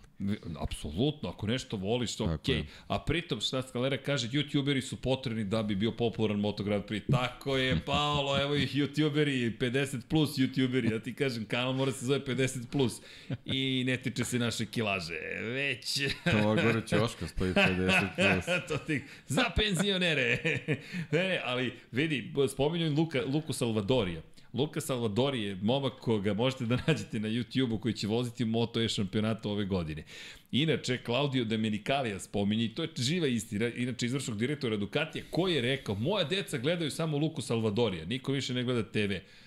Ljudi, da, publika se seli na druge medije, stvari se menjaju, ali to je sve normalno, kao što nekad davno je postao jedan program, dva, i u Americi si imao četiri kanala zapravo, pa se pojavila kablovska televizija, tako i na ovim prostorima, imamo si da, RT V1, pa se prerastu RTS, to je RTB, pa RTS, pa ne znam u Hrvatskoj HRT, pa ne znam u Bosni i Hercegovini jedan televizor, ali odjednom dolaze kablovski kanali.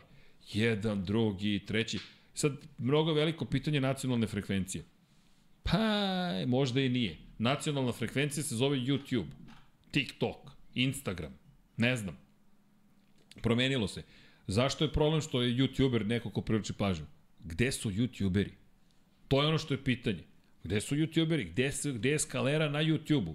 Zašto ta isti skalera nije izašao? Ja ga ne krivim. On je divan čovjek, dosta u godinama nekim, neko ko ima ogromno iskustvo, ali to su te promene koje se dese.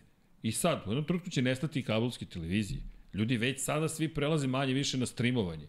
Samo je pitanje ko će pobediti u toj cijelo priči. Netflix je u jednom momentu skupio sve filmove i serije, pa su ga rasparčali jer su svi hteli deo kolača. Trenutno Disney Plus je u minusu, um, ne znam, CBS je promenio svoje u HBO, nije HBO Max, već kako se zove Showtime, pa imamo HBO, pa imamo ovo, pa imamo ono. I sad, prilike, treba ti mnogo para da sve to zakupiš, pa sad da vidimo ko će ponovo da kupi prava i da pobedi. E, tako i sa sportom, situacija se menja. Ti ako hoćeš da gledaš Moto Grand Prix, Video Pass. Ako hoćeš Formula 1, F1 TV Pro. Ako hoćeš NFL, Game Pass. Ako hoćeš NBA, Game Pass. Čekaj, treba mi, ne znam, 2000 evra godišnje samo da gledam nešto što volim otprilike. I to su stvari koje se menjaju i sadržaj se promenio kako se konzumira. Ne konzumira se, kako se gleda, kako se uživa i samim tim treba vreme za neku novu generaciju. Ja mislim da će sve da bude u redu. Iskreno. A, dovodi mi da ne zaboravim KTM i Gas Gas. Samo njih da ne zaboravimo. Da. Mi... Samo da dodam rečenicu. Moto Grand Prix trenutno fali jedan Lando Norris da bi bilo drugačije. Okej, okay, može. Da. E, ali što se ne trkaju toliko MotoGP-evci? Ali to je zanimljivo, drugačiji je pristup show biznisu Ma, kod formulaša. je filozofija, da, da, filozofija pravo sporta, to je što smo sa, sa Frankijem pričali. Da, to je da, da. jednostavno... Da. Drugačije. Drugačije ti momci gledaju. Da. Ne, ali i to ono što si rekao, ti možeš da se poistovetiš sa svojim Yamahom R1, ti možeš da uzmeš Hondu neku CBR i hiljadu i kažeš čekaj, ja sam u tom filmu, možeš da odeš da uzmeš Ducati, Panigale i kažeš, ej, ovo je Moto Grand Prix tehnologija, kako ćeš ti da uzmeš bolid? Jedino ako si onaj Slovak što je vozio bolid Formule 2 da, po autoputu, to, pa je morao da beži od policije. To to. što ga ofarbu u da. Ferrari i još uvijek ga nisu pronašli, ali ok, izveo je svoj trik i Jednosedi da imaju svoju to. dimenziju, to je da, da, tako. drugačije. To je tako. Da. Inače, KTM, da ih ne zaboravimo i Gas Gas. Jack Miller je stigao, sa Bredom Binderom deli garažu u fabričkom timu, a Pole Spargaro i Augusto Fernandez u Gas Gasu, isti motocikl u pitanju, različite boje, promocija Husqvarna, CF, Moto, Gas Gas, KTM, sve su, svi su deo jedne porodice, KTM-ove porodice, svako ima svoju priču, ali u ovoj situaciji Gas Gas je izabran kao pri čemu Husqvarna je u Moto3, Moto2, Gas Gas je u Moto3, Moto2, Moto Grand Prix, deluje da je brend koji je važan, robna marka koja je važna iz te perspektive KTM-u i to je sada... Kao Alpina Renault. Kao Alpina Renault, to je to. da, da, da. Ali što da ih očekujemo? I ja iskreno, evo, dve stvari. Mislim da će biti opet slična sezona prošloj i mislim da će Pole Spargaro mnogo više uživati nego na Hondi. Kao što je rekao Jerve Poncharal, ovo je čovek koji zapravo osjeća ovaj motocikl bolje nego što osjeća Honda. Nadam se da je tako ostalo, ipak se taj motocikl promenio za dve godine, međutim kada pogledaš testiranje, njegov govor tela i kako on komunicirao, deluje da je mnogo zadovoljniji. Rezultati nisu spektakularni, jedino je Brad Binder uspeo nešto zbiljnije da uradi, što nije neočekivano, ali možda mi to ostaje i dalje kao najenigmatičnija ekipa u celoj priči. Imamo pet proizvođača samo. Ducati apsolvirali smo. Teško je pričati o Ducati, moraš pričati o pola šampionata. Aprilia, to je već preko pola šampionata kad dodaš i njih. I onda ubaciš Yamaha koja je tu gde jeste, dodaš Hondu i ostaje ti KTM koji meni ne deluje da pravi korak je tamo, možda je KTM-u potreban Mark Marquez, NPR. Da, pa ne, mi smo KTM u jednom trenutku gledali uz uz Ducati kao nosioc tog nekog razvoja, tog modernog Moto Grand Prix, odjednom se pojavila Aprilia, ovaj, ali sad ovaj, ta neka ozbiljnija priča i sa, i sa Red Bullom, Formulom 1 i tako dalje, tako dalje, vidjet ćemo ovaj, gde će moći da, da, da dovede KTM, vidimo ta neka malo drugačija čudna rešenja i taj izduvni sistem i sve to onako malo malo delo eksperimentalno ovaj, Što se tiče KTM-a, eto, nažalost, i rezultati na, na zimskim testiranju ne pokazuju nešto spektakularno. Ostaje nada da, kad krene sezona, da, da neće biti baš tako, ali ovaj, to generalno ne deluje onako kako, kako je delovalo pre, pre recimo dve sezone. Ima tu pobeda, mislim, to, to ovako pokazuje da, da bez obzira u kakvim uslovima su do, se, se stiglo do njih, mislim, treba, treba pobediti kako god, ovaj, ali, ali generalno mislim da da sve to što se dešavalo 22. njima ovaj ne apsolutno nije nije prijalo i i verujem da da zbog svega šta se generalno dešava oko oko oko Red Bulla kad je ta neka sportska priča u pitanju mislim da da neće dozvoliti da da da taj niz loših rezultata postane serija sezona tako da ovaj Jack, Miller, Jack Miller je tu da, da možda malo, malo razmrda tu čitavu priču, da done, do, donese to neko iskustvo iz, iz Ducatija i, i možda taj nek, ne, neka njegova zapažanja prolaska kroz te krizne situacije kad je potrebno ovaj, odlučiti u kom smeru krenuti sa razvojem.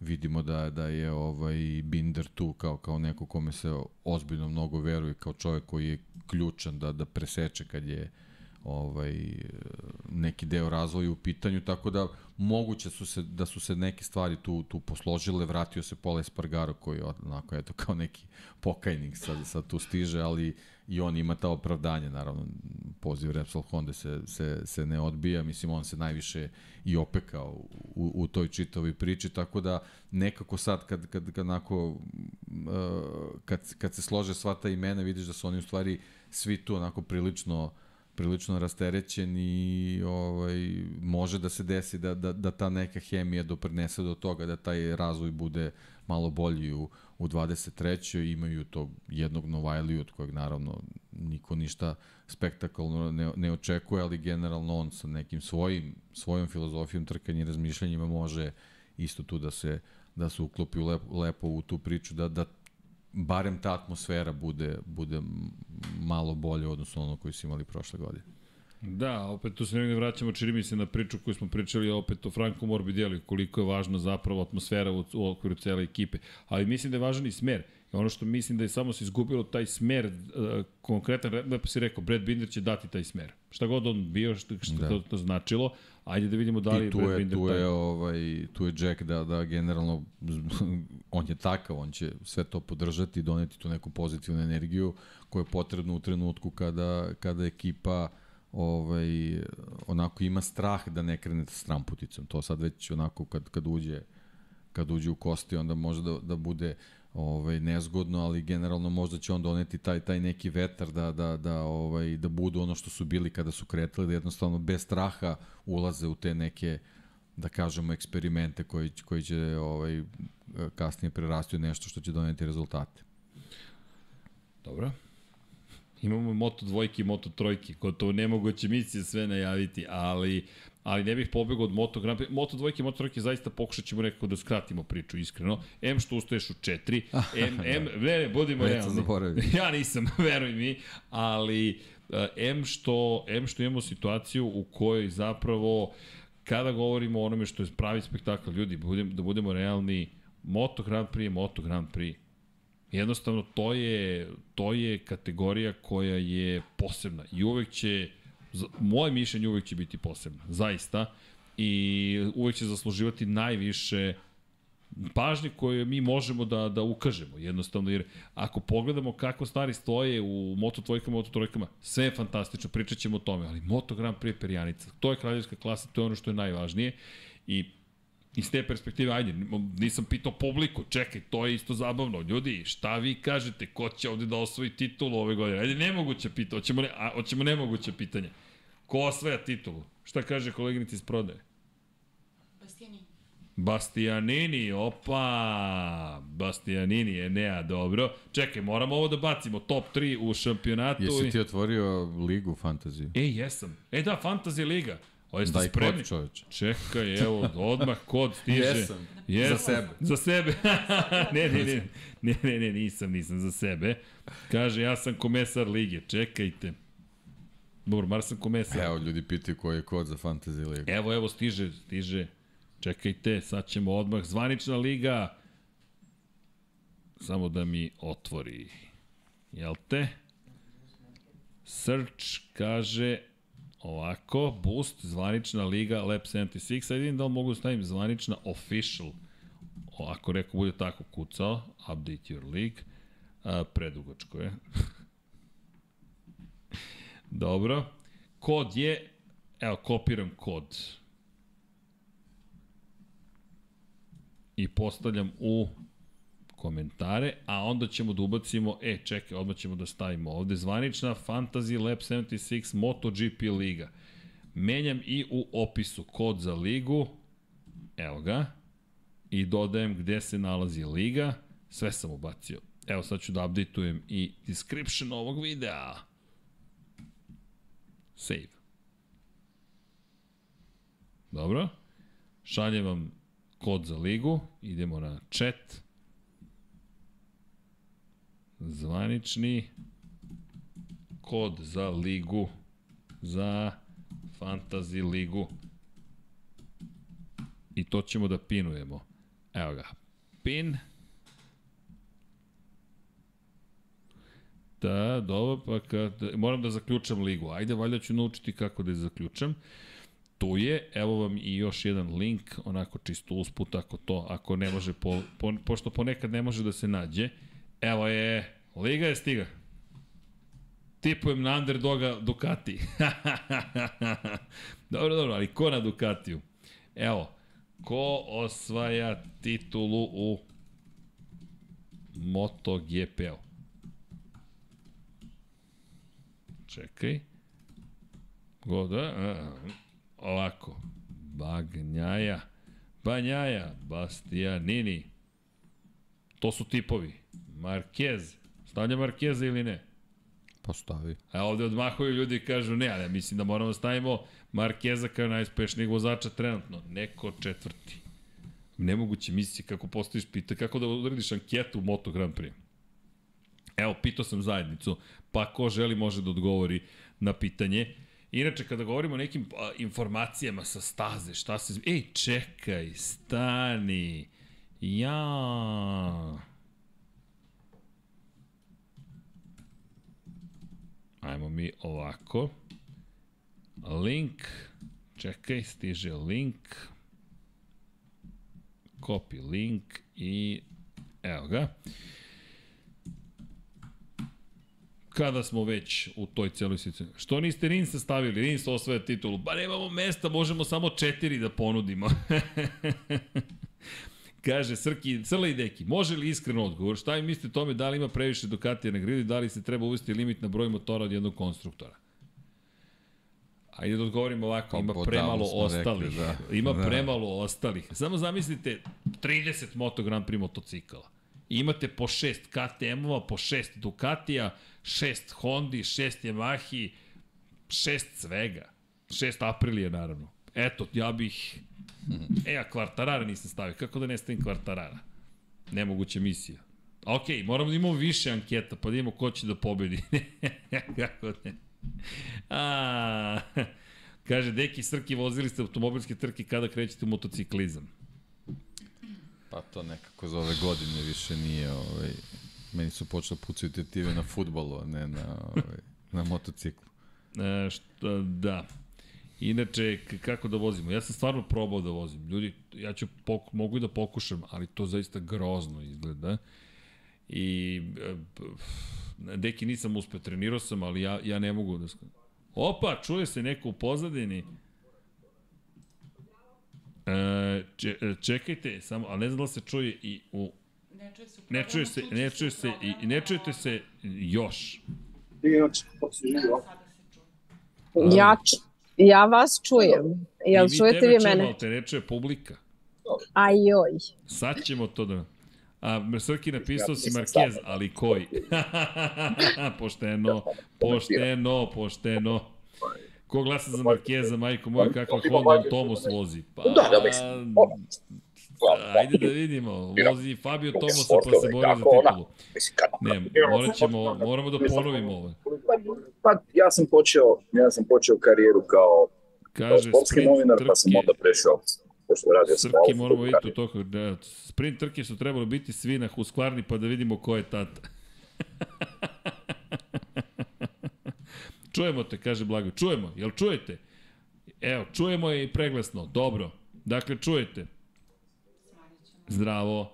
Ajmo, Jeco, gde se nalazite? To je A, desktop pa- audio, samo da znate. E, čekaj da vidimo. Zarka ste zaboravili. da, Jack sam Osve. Čekaj, Jeco, da namestimo mi ovde. Jeca je negde sam na koliko? 30 km od Portima. Pa nisam baš. Koliko si? Za- Pa na jedno 180, To sam mislim. E, trenutku. pa kad ćete da stignete u Portimao? E, nekog čujemo u pozadini baš glasno. A, evo sad ću ja da se izdvojim odavde, tako da ovaj... tako da ćete da čujete samo mene. Da, inače ima pitanje, kaže, može li Martin Vugrinec doći do Moto E ili Moto 3? Moto 3 sigurno neće, Martin je previsok za Moto 3, a Moto 2 može i može Moto E svakako, ali ispratite specijal koji smo imali sa Martinom, rekao je da, da ne bi u Moto E, da bi voleo Moto dvojki, da to njemu baš, baš pravi, pravi prosto motociklizam, tako da Martin, uh, bo- nadali smo se da ćemo uspeti da se čujemo i sa Martinom, ali e, nismo uspeli u tome. E, virtual camera. Čekajte, samo da nešto namislim. Deki, take it over.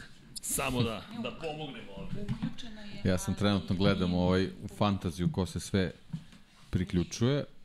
Uspeo sam ovaj da kodom otključujem da se ubacim, samo da vidim. Pa dobro, da ubacite se ljudi, ovde vidim da, samo da vidim koliko se tu, o pa dobro, već imamo onako priličan broj ekipa. Aha, ovo je kraj, znači 2, 4, 6, 8, 10, 12, 14, 16, 18, 20, 22, 20, 24, 25 ekipa trenutno imamo u, u Fantasy je, ligi, tako da dobro, sad će ljudi polako. Znači, kod kažem. funkcioniše, to je bitno. Ili link ili kod. Anketa, u 100 ljudi već i u anketi učestvovalo odlično. Tako da ide i to. Ali da, neko komentariše Marquez 31, Banjaja 25. Ma, da, ok, ajde, eto, to, to je... Meni daje sistem error kada probam da se uključim, Blago Jačevski. E, To ponekad se desi na fantaziju, verujte, ne znamo ni mi. O, to je Jeco. Jeco, pa ti si se uključila, čekaj.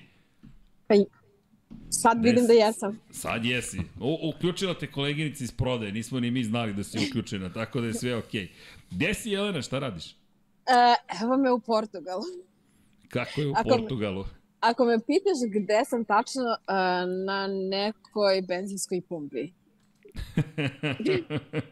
Dobro, to ne zvuči loše na nekoj benzinskoj Pa, pumpi. to. pa napravili smo pit stop. Mislim, tamo negde je ta Pit Repsol. stop. A što na Da, da. Repsolu ho, pumpi? E, pa ne znam. Šalim se, Jelena, ovde je samo raspoloženje, stiže nam sezone. dakle, je to... E, najvažnije je da ste vi raspoloženi. Mi tako da, jesmo. Ej, mi Uvek. jesmo. Ono što je moje pitanje jeste, ma nema šta za raspoloženje. E, kakav je plan za sutra? Ko, šta, šta, šta vas sve čeka? A? Joj. Joj. E ovako, e, imamo u 11 sati e, sastanak što se ti, koji se tiče nove grafike koji će da uvedu u petak i to će biti kao neki... Dobro, poseban tutorial. sastanak za grafike. Molim Znači, te može ozbiljno loše da, Da. bude. Čim oni pravi Čim prave sastanak. tutorial. Ja. Dobro. Volim Da. to što menjaju pred svaku sezonu, to mi je E, srđane, e, Sr- srđane izvestit ćete šta se desilo Molim na tom te da znam sastanku. šta ću imati u prenosu. E, ali samo ih podsjeti, inače poslao sam im ispravke za mobilnu aplikaciju, pošto na mobilnoj aplikaciji u kalendaru su izostavili rundu broj 16, ne znam da li su to popravili. Velika nagrada Indonezije nije prikazana i tako. E, ispitat ću ja to sutra, čim se pojavim na stazi. Reći ću pozdravio vas i srđan. Vidi, imaju... Ti znaš kako oni reaguju. A, u da. svaku... da, zato. A, pa, posle toga imamo, zakazala sam nekih 5-6 izjava. Desetak intervjua, Pa lagano. pet, pa 5-6 izjava e, sa ovim momcima koji su glavni kandidati za titulu. I imamo intervju sa Augustom Fernandesom, još Super. neka zakazana slikanja, snimanja. Bićemo svakako na startnom gridu kada se budu slikali, kada se klasa sve, u sve tri klase Tako bude je. slikala, tako da ovaj, to ćemo puštati i na društvenim mrežama, uglavnom na Instagramu, tako da budite uh, uz nas, mene, Srđana, Dekija. Pa dobro, svi smo u, svi smo u sportu, pazi. Sad, ali tu smo svi. I, ej, ne zaboravite Aleksandar Đankića, čovjek se oporavlja, nije bitno čega, to će onda kaže, ali stiže nam i Đanki, nemojte zaboraviti. U petak se družimo, vala, družit ćemo se i duže nego ikada do sada. Oh. Jeste li vi spremni za ono što Evo vas imaš čeka? pitanje od Hošca, kaže Hošac, ajde sada priznaj da krišom navijaš za Rinsa. Ja to ne krijem. da, ne kriješ kad navijaš za Pa, Rinsa. pa da, ali vi znate za onu opkladu još iz e, 2015. godine da kada osvoji titulu, dugo ima i večeru. Tako da jednog dana ako osvoji titulu, otići ću na večeru. prisustvovao sam toj, tom dogovoru da ako osvoji titulu morate vodi na večeru, tako da vidi, čekamo, osam godina već, strpljivo čekamo, ali, ali prisustvovao sam tom dogovoru, tako da imaš i svedok. Da, da, da. bit će to zabavno. Nema veze, ste vi dobro, ili raspoloženje dobro. Mi smo te samo zvali Da. ovako, pošto si na putu, pa daj da, da iskoristimo priliku da se uključiš u celu priču. Misliš dok sam u pit stopu da Pa intervju sa mnom? A, E, A, mi smo veoma raspoloženi, e, malo nam je lud raspored za sutra, luđi nego što smo mislili, s obzirom na taj sastanak koji su eto zakazali mnogo ranije nego što, što je trebalo, ali baš me zanima šta, šta su to toliko stvarno promenili da moraju da obave sastanak sa svima nama. Ali, Ne e, znamo. Da, malo je ovde sada već koliko, 10 i 15 po, po lokalnom vremenu, kod vas je malo više. Da. Tako da ovaj, čeka nas pa još jedno, pa sigurno sat i 45 minuta uh, vožnje do Portima, da se spremimo, smestimo i onda e, ne baš mnogo spavanja i pravac staza ujutru. Tako i treba, nećemo ni mi Pa mnogo nećemo spavati. ni mi mnogo da spavamo, tako da sve okej. E, ja sam jutros bio na sajmu 7.40 televizija je rekla, Ja možeš... sam bio u 9 i nisu mi dali da uđem, rekli su da u pola 10 je ulazak za sve, tako da smo onako, bilo je jedno hiljadu ljudi ispred, ispred hale čekajući 9.30 da neko otvori vrata, ali dobro, to je već stvar neke organizacije, ne ulazimo u to, ali Znaš da su nas pustili Da. u 7.40. pa vi ste, vi ste ovaj, Ti si glavna zvezda bili- tamo, tako bili da moraju da... i dogovorili ste ulazak, ali ovaj, ostali nisu mogli da uđu što onako baš bez veze, pošto niko nije najavio. Ali, Ali su rekli od 8 da može da se ulazi zapravo. Ljudi su dolazili, pogrešno su bili informisani. Od 8 je rečeno da može. Da, inače, pa naravno, sajam se ne otvara bez mene. Ja kad dođem, oni otvore pa halu 1 odmah. Mislim, ne. Ali hvala ti na tome, Jeco. Ali da, da, da bio bi tu i komšije, da upoznali smo neke nove dragi ljude na sajmu. Ti nam sti... Ej, čekaj, kad se vraćaš, stižeš na sajam. 28. je, Ja 20. stižem u 29. utorak uveče. Ne, gotovo. Gotovo, Jelena, kako da propustiš sajam? Kako? Pa šta da radim? Utorak, da. Nije ništa, pa vidi, teška srca si u Portimao, šta ćeš? Da, ali ja ne znam kako će taj sajam da preživi bez tebe uh, u petak, subotu i nedelju dok komentarišeš MotoGP. Jeste li se pre, Pa, sredili neki uveče- prenos tamo? Čekaj da sajemo ovde publici, nemojte zaboraviti stvari, ljudi. To, to je bitno. Nadam se da ste uživali, budite nam dobri i hvala na poseti.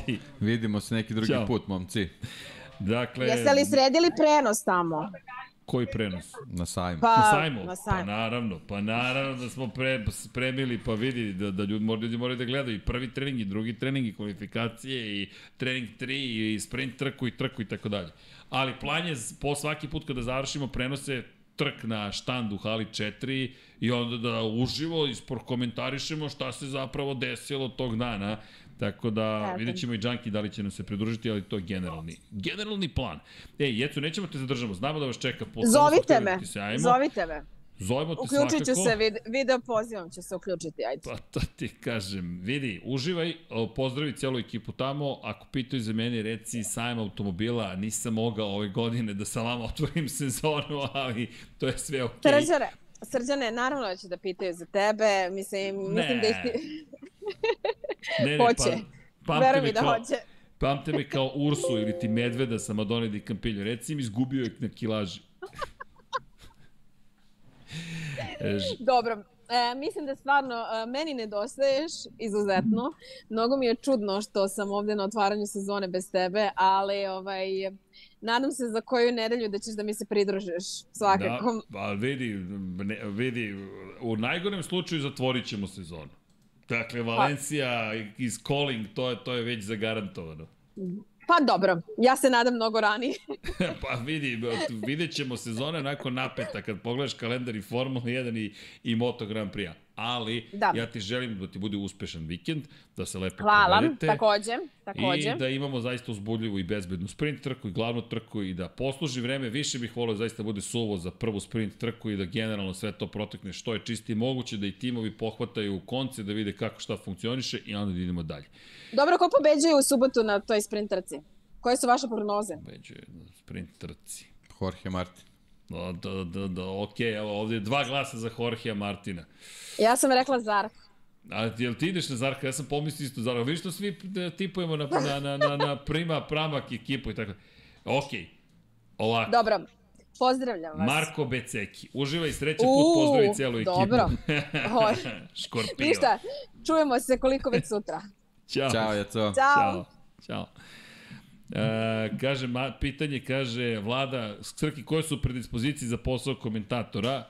Pa, evo, odgovorio Master ima. Vlado, dobra glas i da se dobro snima, to će ti reći. Naravno da znaš sport. Ne, ne, čak ne morate ni da znate sport. Ako se dobro snima glas, pustit će vas u etar. Tako su mene pustili. Pa ne, snimate se loše glas. A da li znaš, to ćemo da saznamo. Ali... Skijaško trčanje, na primjer. Ski... se sećaš cross country. Ali ja sam sebi dao Ja sam zadatak. odgledao čitav prenos, samo Ili da jesi? znaš. Jesam, naravno. Hvala.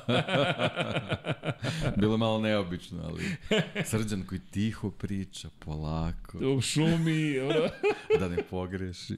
Da, e, da, tad sam baš bio. O, to mi je, to mi je, to mi je bila jedna od najvećih škola, jer sam dobio na Eurosportu da radim zapravo nordijsko smučanje i krenuo sam od, od champ kara zapravo i to uvek pamtim taj, taj moment kada, kada incident u kojem Katrin Leg, ne znamo da li je preživela i nije. To mi je prvi prenos u karijeri. Milwaukee beše, da je Dakle, bio. Milwaukee, Da, ona da. katastrofa od trke i pritom uh, ja želim da preživim tih sati 45 i da pobegnem kući. Jer to je prvi prenos, pri čemu sam očekivao neko da se pojavi urednik, neko. Znaš ti koji je moj prvi prenos? Koji? Champ Car. Stvarno? Da. Koji? Toronto. Kiš. Ki... Sedam u kabinu, sam. Kreće stream ili kako se već kaže. Kiša. Šta sad da radim? Ali dobro. Ništa, onda se... A vidi, vremenom naučiš, ali ta, da meni je moj prvi prenos bio katastrofalni, jer ja sam zaista verao da će me neko držati za ruku kad dođem da radim. Neki urednik, neko, da ne pogrešim, da ne lupam u etar gluposti, da to bude pristojno. Pri tom izvori informacije mnogo manji nego danas. Izvori informacija, da, da, Da. to je, to je baš bilo... Imali smo, kako se zvalo, onaj, Neki, ne, ne znam. neki interni, onaj, neka ptičica je bila, neki Jeste. kolibri. Kolibri, jel se tako zvalo, kolibri, da? kolibri, bravo, deki, Da, da, da. kolibri. Da, kolibri. I, a, i to, to, to je bio... I to je, to je Biblija bila. Da, bukvalno, dobiš kolibri i odštampaš od To je, to je to. da, ja sam na forumu pisao tamo drugim komentatorima Eurosporta, može neko da nam pomogne oko pff, odgovor nula. Jedino momak iz Turske i ja smo se dopisivali koji podjednako znamo o skijaškom trčanju, zato što ne znamo nikoga, nikad nismo bili na trci, pokušamo da pitamo neko ko je tamo, ljudi pomozite nam, ma kako, nema. Ja, ali ne mislim da niko Evo, nije Mirko te pita, kaže, može neko da pojasni sprint trku? Uf, Miljko, pokušali smo na početku, morate da shot vratite. device, A, Sprint trka. ugase se svetla, prvih devet osvaja poene, traje pola glavne trke, vozi se u subotu, startne pozicije sa određene kvalifikacijama koje određuju startne pozicije za nedeljnu trku. To je to. Klasična sprint trka, ne sprint kvalifikacije, sprint trka svakog trkačkog vikenda će biti za Moto Grand Prix klasu od 3 časa popodne po lokalnom vremenu, od 2 i sigurno popodne neće biti DRS vozići. E, Neće biti DRS vozića. Tako da gledajte biće- sprint trku. Biće baš zanimljivo. Uh, recimo, biće zanimljivo vidjeti kako će to da, da, da, da, da i kaže Branislav Dević, izvor informacije Trust Me Bro. Pa otprilike to je bilo, ali zaista a, i- istovremeno to bacanje u vodu ko preživi, taj stvarno vremenom može da napreduje mnogo. Još smo mi bili Da. u super situaciji u odnosu neke naše kolege Jest, desetak, 15 jest. godina pre. Tako Mnogo, da, mnogo bolje pozicije. Dakle, to sve stvar perspektive. Ono što, samo bih da napomenem, šta sam ja radio ako neko može da pomogne, kada sam dobio, kada je prošla sezona Champ Kara, došli smo u situaciju da je bilo pitanje hoće ne, za zimski sportove ko koji može da preuzme. Ja sam hteo skijaške skokove, rekao su mi ne ima ekspert za to, rekao ok, može biatlon, ne ima ekspert za to, Ogi. Ja, ja kažem pa dobro, šta može nordijsko smučanje, to je jedino što mi je ostalo i Ogi je to hteo da radi, ali su rekli Ogi ne možeš toliko svega. Evo Erceg ti radiš skijaško trčanje, cross country popularni. Šta sam ja sebi zamislio u glavi? Ja sam rekao ovo će da se radi kao da radi Moto Grand Prix. Jer sam sanjao da radi Moto Grand Prix i onda sam se tako ispremao. Jedino što nisam imao pojma o tome, onda polako da ne bih lupao gluposti jer ima ču, čuveno koči malo live stream. Koči malo, jel, a, ali imate glas. Dakle, koči video. Mislim da je Black Magic Kod rekao. mene je sad okej. A, sad je okej. Okay. Kod mene da. je malo tiltovo, pa sad nemam pojma. Aha, možda handbrake. Tako je. Mora da se ubije handbrake. Sad ćemo to da sredimo. Evo sad je delo da je okej. Da, ne, ne, ne, ne. Znamo, znamo šta je. Znamo šta je u celoj ovoj priči. Bez, uh, ili ne znamo šta je. Ali, Da, opet koči, da. Možda i nije do toga. Audio je super. Dobro, bar nas čujete, to je najvažnije.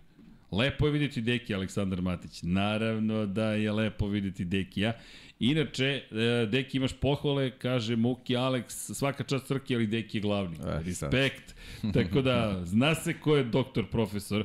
Ali da, mo, dobar glas je uh, potreban. Nego da se mi vratimo na Moto Grand Prix temu, da odnosmo mi negde na komentarisanje. Ljudi, nema mnogo toga što da se kaže, osim da svi čekamo zapravo da vidimo prvu trku i to ono što jeste lepota Moto Grand Prix iz te perspektive, a to je zapravo da u celoj priči, da inače mislim da video je blokira, blokira, blokira, blokira, da je tiltovalo nešto, ali sad šta je, nemam pojma. Sad ću ja to deki preuzmi. Da preuzme. Preuzmi, preuzmi da vidimo gde smo. Može kadar na Dekija. Eto ga. Kadar na Dekija. Deki da proveri, samo da vidi. A što se meni zatvorila ovaj... Aha, anketa. Da vidim, živo me zanima gde smo stigli. Ovu, skoro 200 glasova. Ko osvaja titulu Moto Grand Prix? Mark Marquez 33%. Peko Banjaja 27%. Neko četvrti 20%. Dobro, tu, tu nismo imali Fabija, tako da, da to verovatno ide na tu stranu i Bastianini u, evo sad raste na 19%. Tako da, vidiš, Mark Marquez se dobro kotira, verovatno ovaj, postoji tu prilična grupa, grupa navijača. Dobro, da vidim šta još ima. Ne znam da li ste spomenuli, a pa ne, nismo, nismo još došli ni do dvojki, ni do trojki. Samo da vidimo ovamo. Kada će kratkometražni film sa grobnika? E pa, kratkometražni film sa grobnika se montira. Ovaj, stigli smo, pre nekoliko dana je bila faza gde su onako probrani snimci bili i došli smo ovaj, do, do zaključka kad smo, kad smo prebrojali sve do otprilike imamo dva i po sata materijala. To teško da će da bude ovaj neki, neki, neki kratki film, tako da ovaj, moramo još da, da, da proberemo ovaj, snimke i da napravimo ne, neku, neku pristojnu minutažu da ljudima može da bude zanimljivo, da ne traje pretrano dugo, ta, dugo tako da eto, montira se ovaj, nadam se da će uskoro biti ovaj, i to spremno, ali pratite kanal, bit će sigurno notifikacija kad se okači, tako da to je to. Uh, Beceki za sprint. Dobro, da, okej, okay, slažem se i sa tim. Kaže, deki, ne dira dug... kaže mu da ne dira dugmiće, sve radi. Evo, Boris Trutin ti ovaj, javlja. Dobro. Ako sve radi... E, to master ima, jeste, i to je jedna tema. Kaže, imam pitanje kako je moguće da, da tako spektakularan vozač kao Janone, samo da im sad mi je pobeglo ispod ankete, Da ne tako spektakularan vozač, jer on ne bude tako popularan e. da navijači žele da se on vrati na stazu. Da. Pa dobro, eto, to je, kako to kažu, kult ličnosti. Mislim, on je čovjek bio harima, harizmatičan dok je vozio, a generalno je ovaj, i harizmatičan zbog načina koji je to ostao bez mesta u Moto Grand Prix, tako da to su generalno stvari koje neko privlače, jedan deo publike i ovaj, Pa harizmatičan je. Tako je, Mislim, to je to. kako Mislim, god se pogleda, privlači pažnju. Nisu tu sad neki spektakularni rezultati, ali spektakularne vožnje jesu, kontraverzni momenti u karijeri, eto, generalno ovaj, ljudi vole ovaj, ljudi, momke koji imaju takvu takvu ovaj, Bad boys. Bad boys, tu neku, neku reputaciju i naravno ovaj, ne može to tek tako da, da, ovaj, da se zaboravi. Da, inače, harizmatičan bio cijelog dopinga, pa čujte, mi... I to je harizma neka. Bad boy, šta je rekao? Pa to je da. taj nevaljali momak i, i to je to, crazy Joe manijak. Nama je uvijek bio simpatičan taj njegov moment. Ja, ja, pričali smo o tim njegovim intervjuima kad on odbije intervju i ponaša se, pa ide primjereno prema novinarima. Nikad on nije bio ličan. I ja kažem, ljudi, Nik, ja nikad nisam shvatio to lično. Da, da li te naljuti u trenutku? Da, zato što mi utičeš negativno na posao. Ali Joe nikad nije bio ličan. On je samo smatrao da je mnogo veća zvezda nego što njegovi rezultati pokazuju. I da u skladu sa time ima pravo da se ponaša na jedan, možemo reći, blago, grub način. Ali, ljudi, on je smatrao da je zvezda i to je tako. I sad, to što su i Valentino Rossi i Mark Marquez profesionalni u njegov tim odnosima, to je neka druga priča. Kaže, nedostaje Đankić. Ljudi, e, opet, ne bih ja da pričam o Đankijevom zdravlju, ali verujte, a mogu kratko da vam kažem, imaju problema sa slepim crevom, imate puno pozdrav od Junkija Baby-a, mnogo je smršao, oporavljao se dugo i neka ostane na tome, imaju dakle neke svoje stvari koje je morao da reši, desilo se ponovo i šta da radite, tako da Junkie prenećemo mu pozdrave, ali nadam da li će doći u podcast. To je, to je takođe enigma, ali neću da ponovim ono od prošle godine, pratite ovaj kanal, ali držim palčeve da hoće. Bilo bi lepo da ga vidimo, makar da ga čujemo, ali svakako u petak, subotu, nedelju se nadam da ćemo ga čuti, tako da znate, kažem, ne bih previše o, o, o intimi Junkijevo i zato što stvarno to ne bi bio, to ne, nema smisla ja to da uradim. A, meni uvijek zafali milionče za fan, fantasy, ika, ika. E da, malo su ovaj, da, ovaj, malo su poštrali četavu priču, isti je budžet, a dve ekipe, pr- konstruktori ekipa moraju se birati, tako da onako prilično je triki da se ovaj, oformi tim, što možda i nije tako loše. Pa ja mislim da je to okej, okay, pošto da. Da. suprotno uzmeš Ducati, poslužiš Samo ne znam jel sam ja to preskočio, ovaj, ali nisam vidio pravila kako se ovaj kako će sada da nam boduju to sve. E, pravilnik, moram priznati da ne znam. Evo sad pokušam da možda sam ja preskočio, izvinjavam se ako je neko već video, ako imate slobodno ukucajte. Ali ja ne mogu da vidim ovaj kako ćemo sada da dobijemo bodove. E, koju ekipu ćeš da staviš? Ja sam stavio već smo ekipu. Dobro, Jel može da se vidi? Može, da? Da ne može? ne može. Ne može. Mm, vuče me ova jedna ekipa, ali ajde rizikoću. Idem na neki drugi izbor. Nemam pare za vozače. Nema para. Ja sam nekako složio i ostalo mi je 100.000 još. Stvarno, deki. Da. Koga li si uzeo? Čekaj da vidimo. Koga li si? A, pa znam ja koga ću da uzmem. A kako ću ovo da izmiksam, pa ja osvajam titulu ove godine. O, o, to ti je, to, to je zagarantovano. Stvari nema šanse, volim mi, ne, ne, ne, ne mogu da nabavim sve, deki šta je ovo, zašto nema para za sve? Nema, nema. Evo ljudi, meni isto fali milionče. Da vidimo, ne mogu da uzmem nikoga više. Wow. Nema više para. Pa ništa, ovaj mora da ispadne jedan član ove posade.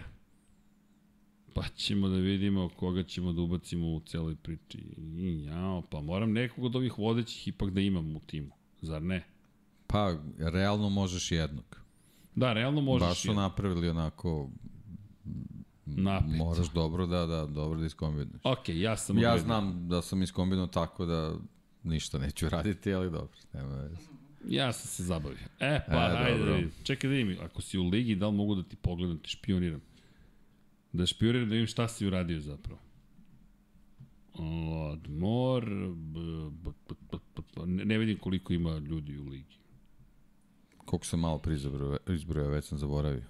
Ima, ima 25, 30 sam vidio, ali uh, pa čekaj, ne, ne, ne, sad ima skočilo. više. Ne, sad nemaš što... Ne. Uh, uh, Hvala ljudi. svaka čast, da, da. Čekaj da vidim, ali ne mogu da ti uđem da pogledam šta ti to imaš. To nije u redu. Kako to se nije loše. Pa kako se zove? A, da, dobro. I ja pitam. Žakare Pagua, Racing. eh, 14 miliona 900 si potrošio. Opa, vidi 2 E1 FSSA iz Bosne i Hercegovine neko. 14 miliona 100 hiljada. Ajde, otkrite nam 21 FE. Šta, je, šta su ovi trikovi, kako je ovo, Franco Morbidelli, šta je ovo, koje su ovo poruke, ali dobro. Moram i junkie da, Da, da treba u početku ići na rizik. To, to. Inače, terms and conditions, how to play, register, team creation, ok, ovo su pravnici. Aha, Riders scoring system, E, bravo, gde si to našao? a, pff, tačka 7.1 pravilnika. A, Ili bravo. ti pravnog... E, vidiš šta je razlika između Liberty Media i Dorne? Dorna od pravnika uzme dokument i prepiše ga, a Liberty Media uzme i napravi izdvojeni dokument da vam objasni pravila, terms and conditions, čitajte zakonodavstvo. Dakle, u Q1, najbrži vozač u Q1 donosi 5 poena. 4-3-2-1 vodeća petorica iz Q1. Što znači bolje je da ti vozač iz Q1 dođe u Q2, jel te?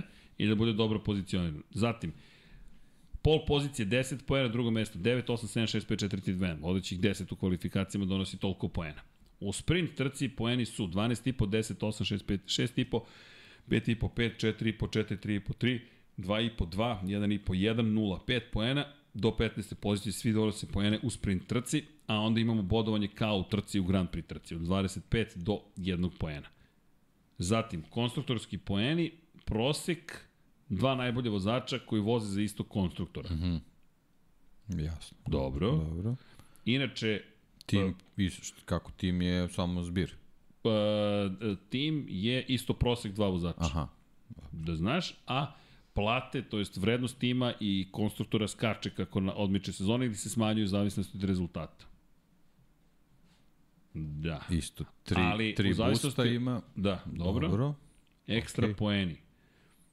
Za, za svaku nadoknađenu poziciju, odnosno na startnu poziciju, dobiješ dva dodatna poena. 5 poena za najbrži krug trke, srebrni vozači donose 50% bodova. Ukoliko vozač bude diskvalifikovan, on gubi 5 poena. Turbo vozač, dvostruki poeni. Dobro. Igra će se zaključavati na početku Q1 kvalifikacije i ne mogu da se unose izmene. E sad moram da otkrim kako da zaključam zapravo ligu. Public League, da vidim da nisam tu pogrešio. Allow wish to join based on which private league, Pa private league, to. celebrity user define the setting. A ne. Hmm, ne, to mora na poziv da ide onda, private league. Ali, ha, Aha, ne može samo kodom. Mhm. Da. Public League, you have the exclusive right to pay, uh, uh, dobro. Ne razumem, za Public Ligu kako god. Public, javne lige nema ničega. Ali mogu da izbacim nekoga valjda iz ligi, kao komesar. Ne znam što bih izbacivao, osim što smo imali tu situaciju, ali mi smo dali to ostruki trofej čoveku koji je vodio do kraja. Hajduk i Uskok, to je Hajduci i Uskoci, Adam GP nam se nikada nije javio. Deki, da se mi vratimo naš, našem poslu, uh, Zarko 2,5 miliona. Da vidimo, ovo gledaj, prošle godine MotoGP bio odlični isto kao F1, a ove godine su sve to stisnuli. Pa da, a, da vidimo, ne vjerujem da tako lako otpisujete Fabija šampiona koji s ovim motorom radio što neko nikad neće sa Ducatijem. Nismo ga mi otpisali. Niko nije otpisao. Nama Fabio. je treći čovjek kog smo spomenuli u podcastu bio Fabio Quartararo. Bukvalno. Baš je bio, odmah smo ga ubacili baš zato što je to Fabio Quartararo. Baš, baš je to nekako i koncept i cela priča oko Quartarara je zaista posebna. A, da li postoji neka matematika? Ljudi, matematika deluje da, da je kompleksna. Nego, deki, šta ćemo za Moto dvojke i Moto trojke? Kako to uopšte najaviti? Inače, pošto je OBS gotov, ili tako? Ne možemo da vam pustimo ne možemo da pustimo ništa, ni intervju, ni, ni, ni, ni zapravo ne možemo da vam pustimo ni donatore, ni patrone, čak ni odjevnu špicu mislim da nećemo moći da pušt, pustimo. Samo ćemo se ugasiti na kraju. e, pošto je OBS prestao da funkcioniše, on je stop responding, ali dalje šalje signal na restream i vi to dobijate. Tako da mi trenutno ništa ne diramo osim switchera koji nema veze direktno s računarom i to funkcioniše. Ali da vam pustimo video, nažalost, pustit ćemo vam odvojen intervju sa Lukasom Tulovićem koji smo obavili pre to je okej. sezone. Tako je, I to je okej. poseban video će ići. Ne zamerite, ali to je jedna lepa priča. Lukas je objašnjava i njegove razloge za što je stavio srpsku zastavu uz nemačku zastavu, zašto je, kako se pripremao, šta je sve radio, koje su mu očekivanja od sezone, kako on to prati da bukvalno kako, kako prati zapravo u celoj priči drugi vozače, kako su kako pripremaju trku, to mi je bilo fascinantno što kao i sve mi uzme analizu, gleda maksimalne brzine i onda gleda s kim će u trci moći da se trka kada je reč o maksimalnoj brzini. I koga može da napadne na pravcu, koga ne može. Zadovoljni su. Inače, Husqvarna je testirala u švajcarskoj vazdušnom tunelu pred početak sezone, ne bili upravo stvorili, stvorili optimalnu aerodinamiku, dakle koja vam omogućuje da budete brzi na pravcima, a opet i da funkcionišu stvari i u krivinama i tako dalje, ali verujte da je baš bilo dobro. Izgore od podcasta i rada svaka čast. Pa dobro, OBS je inače software, tako da E, ali da, možete da nas podržite patreon.com kroz Infinity Lighthouse kao i naravno Join. U svakom slučaju, kada je reč o Moto dvojkama, Rezervni hardware nikad nije na odmet. Nije na odmet, definitivno. Ove godine u Moto2 kategoriji je, pa ne znam da li je situacija još dramatičnija, ali ljudi zaista izgleda kao da ćemo mi imati još više uzbuđenja nego prošle godine. Pedro Costa inače se izdvojio, pročitat ću vam sva imena, svih 30 vozača, Alonso Lopez Fermin Aldeguer. Alonso je pobeđivao prošle godine. Na Bosko Skuru su jedan i drugi, obeležen je oznakom B23. Fermin nije pobeđivao, ali znamo koliko je brz nekadašnji šampion Evrope Moto2 klase. Alex, Alex Eskrig i Marcos Ramirez će voziti za forward ekipu, bit će na F dvojici takozvanoj, s tim što tu možemo zapravo da pričamo o, o konstruktori zvanično forward, de facto MV Agusti. Na Kalexu su svi ostali. Sean Dylan Kelly, Rory Skinner, Tony Arbolino, Sam Lowe's, Celestino Vietti, Borja Gomez, Barry Baltos, Zonta van der Gorbred, Izan Guevara, Jordi Torres koji će tu biti u nekoj ulozi zajedno uz Jakea Dixona i Izana Guevaru u Gas Gasu, ali nemojte očekivati da bude stalno tu, on je rezervni vozač zapravo ekipe. Zatim, Filip Salač, Jeremy Alcoba, Somkijat Čantra, Aju Gura, Joe Roberts, Denis Fođa, Lukas Tulović, Derin Binder, Lorenzo Dalla Porta, Bob Ben Snyder, Sergio Garcia, Aaron Kane, Pedro Acosta, Albert Arenas, Kohtar Nozane i Manuel Gonzalez. E, e, Eventualno trojica, četvorica ne konkurišu za pobedu. trojica, trojica ne konkurišu za pobedu. Deki, nemoguća misija. Mi ovdje imamo de facto kup takmičenje Galaxy sa triumfima protiv par forwarda sa triumfima, naravno 765 kubika i dva Bosko skura. I Ovde ne možemo čak ni ekipe da izdvojimo da ne. da kažemo, dobro, okej. Okay. Ajmo da izdvojimo Mislim, KT Majo, ajde. KT Majo, ajde. dodamo u to Gas Gasovce, to jest Tako. Jorge Martinez Aspara, moramo da dodamo Speed Up, zahvaljujući Alonso Lopezu, naravno i Aldegeru, dakle to su ekipe koje moramo da izdvojimo. Mark VDS Racing sa Toni i Marbolinom, pobeđivao je Toni na kraju prošle sezone, pazi sad već, sad, koliko raste broj ekipa koje mi izdvojamo. I Demicu Honda, a Jugura mora da se izdvoji. Evo kako ćemo doći do toga da ne možemo ni ekipu da izdvojimo. Hoćemo da dodamo u tu celu priču i Ital Trans sa Denisom Fođom koji je Ital Trans moramo uvijek da dodamo zašto će oni ponekad biti raspoloženi. Tako je. da neguje tradiciju, naravno. Čekaj, Lukas Tulović i Derin Binder dele garažu u Husqvarni. U Intact Grand Prix, to je sada fabrički tim Husqvarne. Šta ćemo da ih eliminišemo iz priče? Nemoguća misija Sergio Garcia, Aaron Kane u Ponsu, zatim kod Valentina Rosija, Kohta Nozani i Manuel Gonzalez, Manuel Gonzalez koji je super talentovan, hoćemo da idemo dalje. Pri čemu Gresini, Filip Salač je bio na pobjedičkom postolju, Jeremy Alcoba, ozbiljna jedna Čekamo ekipa. da vidimo novu kacigu Jeremy Alcoba. Otprilike čekamo na novu kacigu.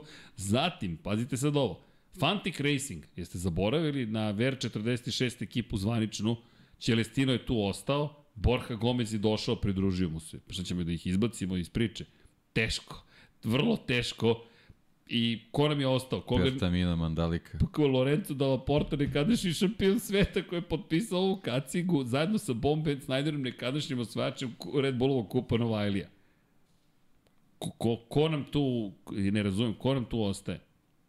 Bukvalno, nismo spomenuli Oli Racing GP, Barija Baltusa i Zontu van der Gorberga, otprilike, i forward u kojem su Eskrig i Ramirez. Ne, nisam, izostavio sam American Racing, Sean Dillon Kelly, Rory Skinner. Ljudi, Moto2, ja mislim da je to sada baš predigra za Moto Grand Prix. I to je Lukas rekao danas. Rekao je, moj san je Moto Grand Prix. Ja, ja sam sada na korak od Moto Grand Prix klase. I to je živa istina. On je čovjek sada na korak od Moto Grand Prix. Ili to ili ćeš da shvatiš da možda nije loše da usmeriš karijeru ko Superbike-u koji takođe raste. Tako je. I ko je velik šampionat. Tako je. Zaista velik šampionat. Tako da ima mnogo... Čistilište. Čistilište, bravo deki. Ovo je... Kapija se, i, i Lukas je to rekao, samo jedna osoba je otišla iz Moto dvojke u Moto Grand Prix ove godine. Augusto Fernandez, šampion Moto Samo zato što je šampion. Pa šampion Moto2 klase, niko više.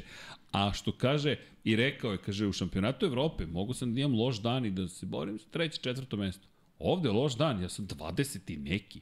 I to 30 tinke me deli, 8 mesta me pomeraju 30 tinke. I onda kreneš 15 krivina imaš u Portimao. Pa generalno je tako i u Moto Grand Prix.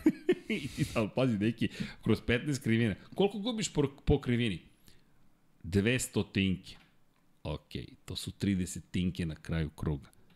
Žao mi je, niste se kvalifikovali za Q2 deo kvalifikacija. I u toj situaciji ti kad startuješ 20 i neki u Moto2 klasi, žao, žao, žao nam, better luck next time, bukvalno.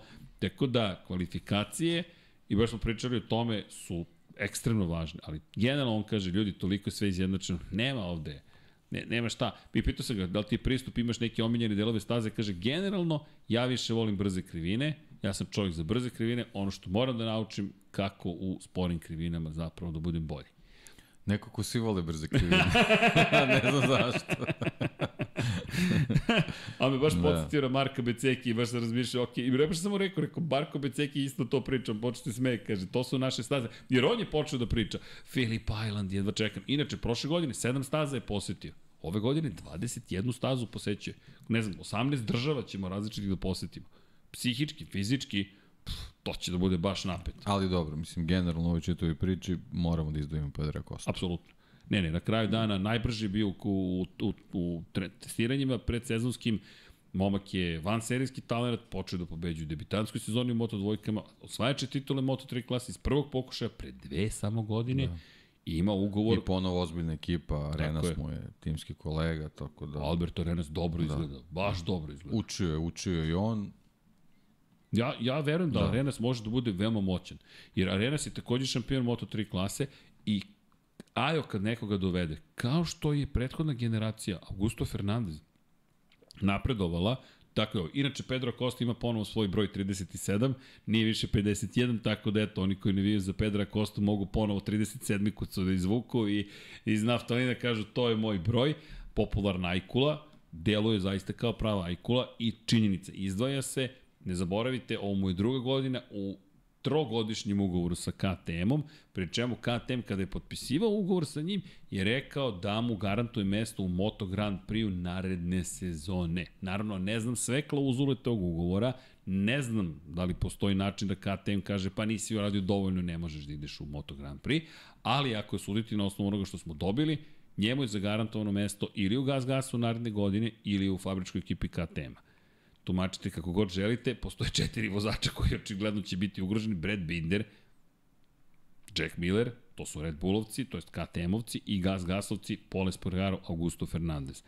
A sumnjam da će KTM reći, ej, puštamo te iz ugovora, idi ti nekim svojim putem. Nisu Raula Fernandeza pustili, ne Pedra Acostu.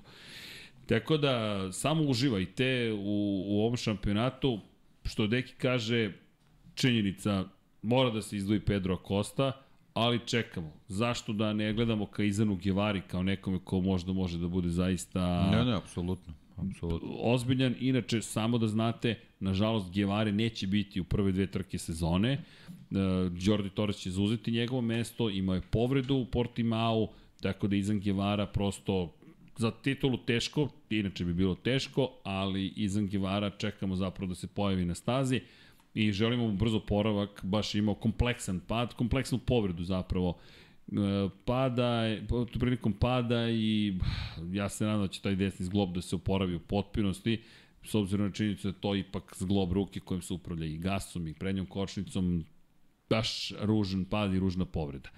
Inače, da ne zaboravimo i ono što smo pričali od ove godine, morate da imate 18 godina da biste vozili u Moto2 kategoriji i u Moto Grand Prix kategoriji, to je stupilo na snagu, tako da se stvari polako, i to je istorijska sezona iz te perspektive, koja je prošle godine bio mlađi od 18 i vozio sezonu, ima pravo da kao mlađi od 18 godina nastupa u Moto dvojkama, ali čisto da znate, tu smo stigli. I kada je reč o Moto trojkama, slična situacija, inače u Moto 3 kategoriji, Da ne zaboravimo, takođe od ove godine 18 godina morate imati, osim ukoliko niste vozili prethodnih godina kao mlađi od 18, pa imate izuzeće od tog pravila. Inače, uh, šta ćemo u Moto trojkama? Ja bih krenuo od Leopard Racinga. Zašto? Pa zbog Miodraga Kotora, zato što mu želimo svu sreću i uspeh. Leopard Racing vratio Jaume Masi u svoje redove. Ko je pratio predsezonsko testiranja? Leopard je ponovo bio veoma ozbiljan u pripremama za sezonu, ne znam da li, da li ste pratili ili ne, međutim, opet ne bih tumačio nijedan rezultat previše, ko, ko će da bude najbolji. Ja zaista ne mogu na osnovu tih testiranja da kažem da će biti neko šampion ili ne. Ono što smo videli, činjenice da se Jaume Masija često pojavljivao u vrhu, kada govorimo o nekim povratnicima, mogli ste povremeno da vidite i legendarnog Romana Fenatija, kako vozi Moto trojke, da ne, ne možeš da se nasmiješ. Ono što mi je bilo prijatno iznenađenje, ako mogu nekog da izdavim, jeste nije iznenađenje. Diogo Moreira je zaista bio dobar u predsezonskim testiranjima, pa eto, vodite računa. Pa dobro, generalno motocikli koji važe za brze bili su i brzi, tako da potrebno je da se tako dođe je. na staze gde, gde ovaj, neki, neki drugi motocikli dolaze do izražaja, tako da ovaj, izgleda da, da nas ponovo čeka ta sezona, zna se, zna se staze. Znamo staze gde ćemo voditi računa o Leopardu i kako se sad Diogova ekipa zove MT Helmets ili tako nekako, tako da ovaj, zna se ko će biti brz. Da, A inače... tamo gde, gde, gde, gde, gde, ovaj, gde se traži brzina, tu i Denis Onđu i tako. Mislim, to je sad onako možemo da nagađamo, ali generalno Ayumu Sasaki moramo da, da razmišljamo pa, i o da. njemu. Koga bih, ajmo ovako, po timovima bih, ovde timovi su bitni. Red Bull KTM, Denis Onđu i Jose Antonio Rueda. Ruedu smo već upoznali, to su od... Denis Onđu, čekamo da vidimo da li je i ona lekcija iz Valencije naučena ono, i poigravam se s protivnikom, lako ću ja da pobedim, a tu su i Kenan Pa dobro, to su to. sve, sve to škole. Su, to sve su okay. koraci. Tako da... On sazrava iz trke u trku i to je pokazao, tako da... Ja sad želim da vidim taj sledeći korak i mislim da će doći. Od novih ljudi imate Filipa Fariolija, David Salvador, već ga znate, David Munjuz takođe. Inače, Colin Veir se pojavio, Veir, koji, Veir zapravo, koji je u Red Bullom kupu Novajlija bio prošle godine. Da, da, koga bih izdvojio, pa Davida Alonso smo čekali da se pojavi, u gas gasu je sa Irusejem Yamanakom, Yamanaka je tu dobio priliku da sedne kod Aspara u ekipu, Xavi Artigas i Joel Kelso za CF Moto ponovo Artigas, zadržali su ga, to je meni iznenadilo, eto vidit ćemo da li će to doneti uspeha, Ađi i Furusato, Mario Ađi i Furusato su ostali u Honda timu Azije, u Snajpersu večiti Romano Fenati, Mateo Bertele, Zatim u, kod Sić 58, Kaito Tobe i Ricardo Rossi, zanimljiva kombinacija. Voli japanski vozače Paolo Simoncelli, Scott Ogden, Joshua Vetli ostali i dalje u Vision Track Racing timu. A Yumu Sasaki mislim da treba da ga izdvojimo, s obzirom na formu koju je pokazao prošle godine. Biće zabavno, biće uzbudljivo, ne znamo ko će odskočiti, ono što je nezahvalno je što uvek kada očekujete od nekoga u Moto trojici da bude taj, obično se desi neko ko nije taj i pojavi se i nametne se i kažete ok, kako je ovo iznenađenje. Dobro, osim Osim... Prethodne dve sezone. Dobro, da, da, da, dobro, to je nekako baš bilo. Ali, ali to je ta generacija koju smo spomenuli. Pazi, mi smo, pre nego što su došli, rekli, ja sam tipovao na Izana Gevaru, ti si tipovao na, na, na, na, na Pedra Kostu. Pedro Kosta je odmah od svoju titulu Izan Gevaru svoje naredne sezone. Ljudi, nije zato što smo mi gledali kristalnu kuglu, već zato što smo gledali pa, njihove trke u nižim klasama. Videlo se da odskaču, jednostavno. Baš su odskakali. Ali deki, niko nije sad na tom nivou. Da. Artigas je trebalo da bude na tom nivou, ali nije. Pa dobro, teško je sad svake sezone da dobijemo takve talente, tako da... Mislim, žao mi je što, što je Guevara povređen, ali... Ovaj, eto, jednostavno, i, i to su ono, delovi sazrevanja. I na kraju krajeva i Akosta se prošle, prošle godine prilično teško povredio, tako da... Jeste. To su ti procesi u ovom modernom motociklizmu, stvarno, nema, nema praštanja. Hoćemo da Hoćemo da odradimo ludi, ludo tipovanje. Ne, pitali ste za subotu, ja moram predstaviti da sam još pre par nedelja rekao da će Beštija da pobedi u subotu, a nedelju Banjaja, jer mi to više liči na njihove trke, ali eto, promenio sam mišljenje, Beceki više mi je, zato što manji tim, ajmo da vidimo da nešto može, ali ćemo da tipujemo onako ludi tip za, i za titulu i za pobedu u ovoj prvoj trci. Čisto da... Šta za... Za Moto dvojke i Moto trojke. Mo, moto dvojke i trojke. A? Dakle, nema ludog tipa kod nas, nego se pogleda lepo gde je ko i šta je. Neće biti kiše, makar tako kažu. A će moto mm. dvojke prvo.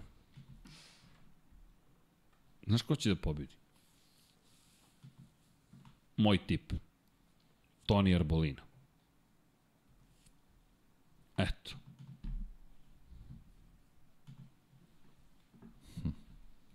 To mi je tip za Moto dvojke. A Moto trojkama, u Moto trojkama, u Moto trojkama, hm, hm, hm. Diogo Morira. Ajmo da vidimo Brazilca kako osvaja, kako pobeđuje. A titula ide sa Saki u ruke, a u Moto dvojkama Kosti. Šta je tu ludo? To nije ništa ludo, da. Pa dobro, crazy boy. crazy boy. Da, pitanje šta je ludo. Evo, Vijeti. Ne, ajde, ja ću, ja ću ono, kao, kao i svake godine kad se zakačem za nekog. Masija, masija. Okej, ali ti veruješ u Masiju već da. duži niz da. godina. Da, da, da. To je u redu da ostaješ veren Da. ovom čoveku. A Portimao, mm, Moto dvojke. da, Portimao dvojke.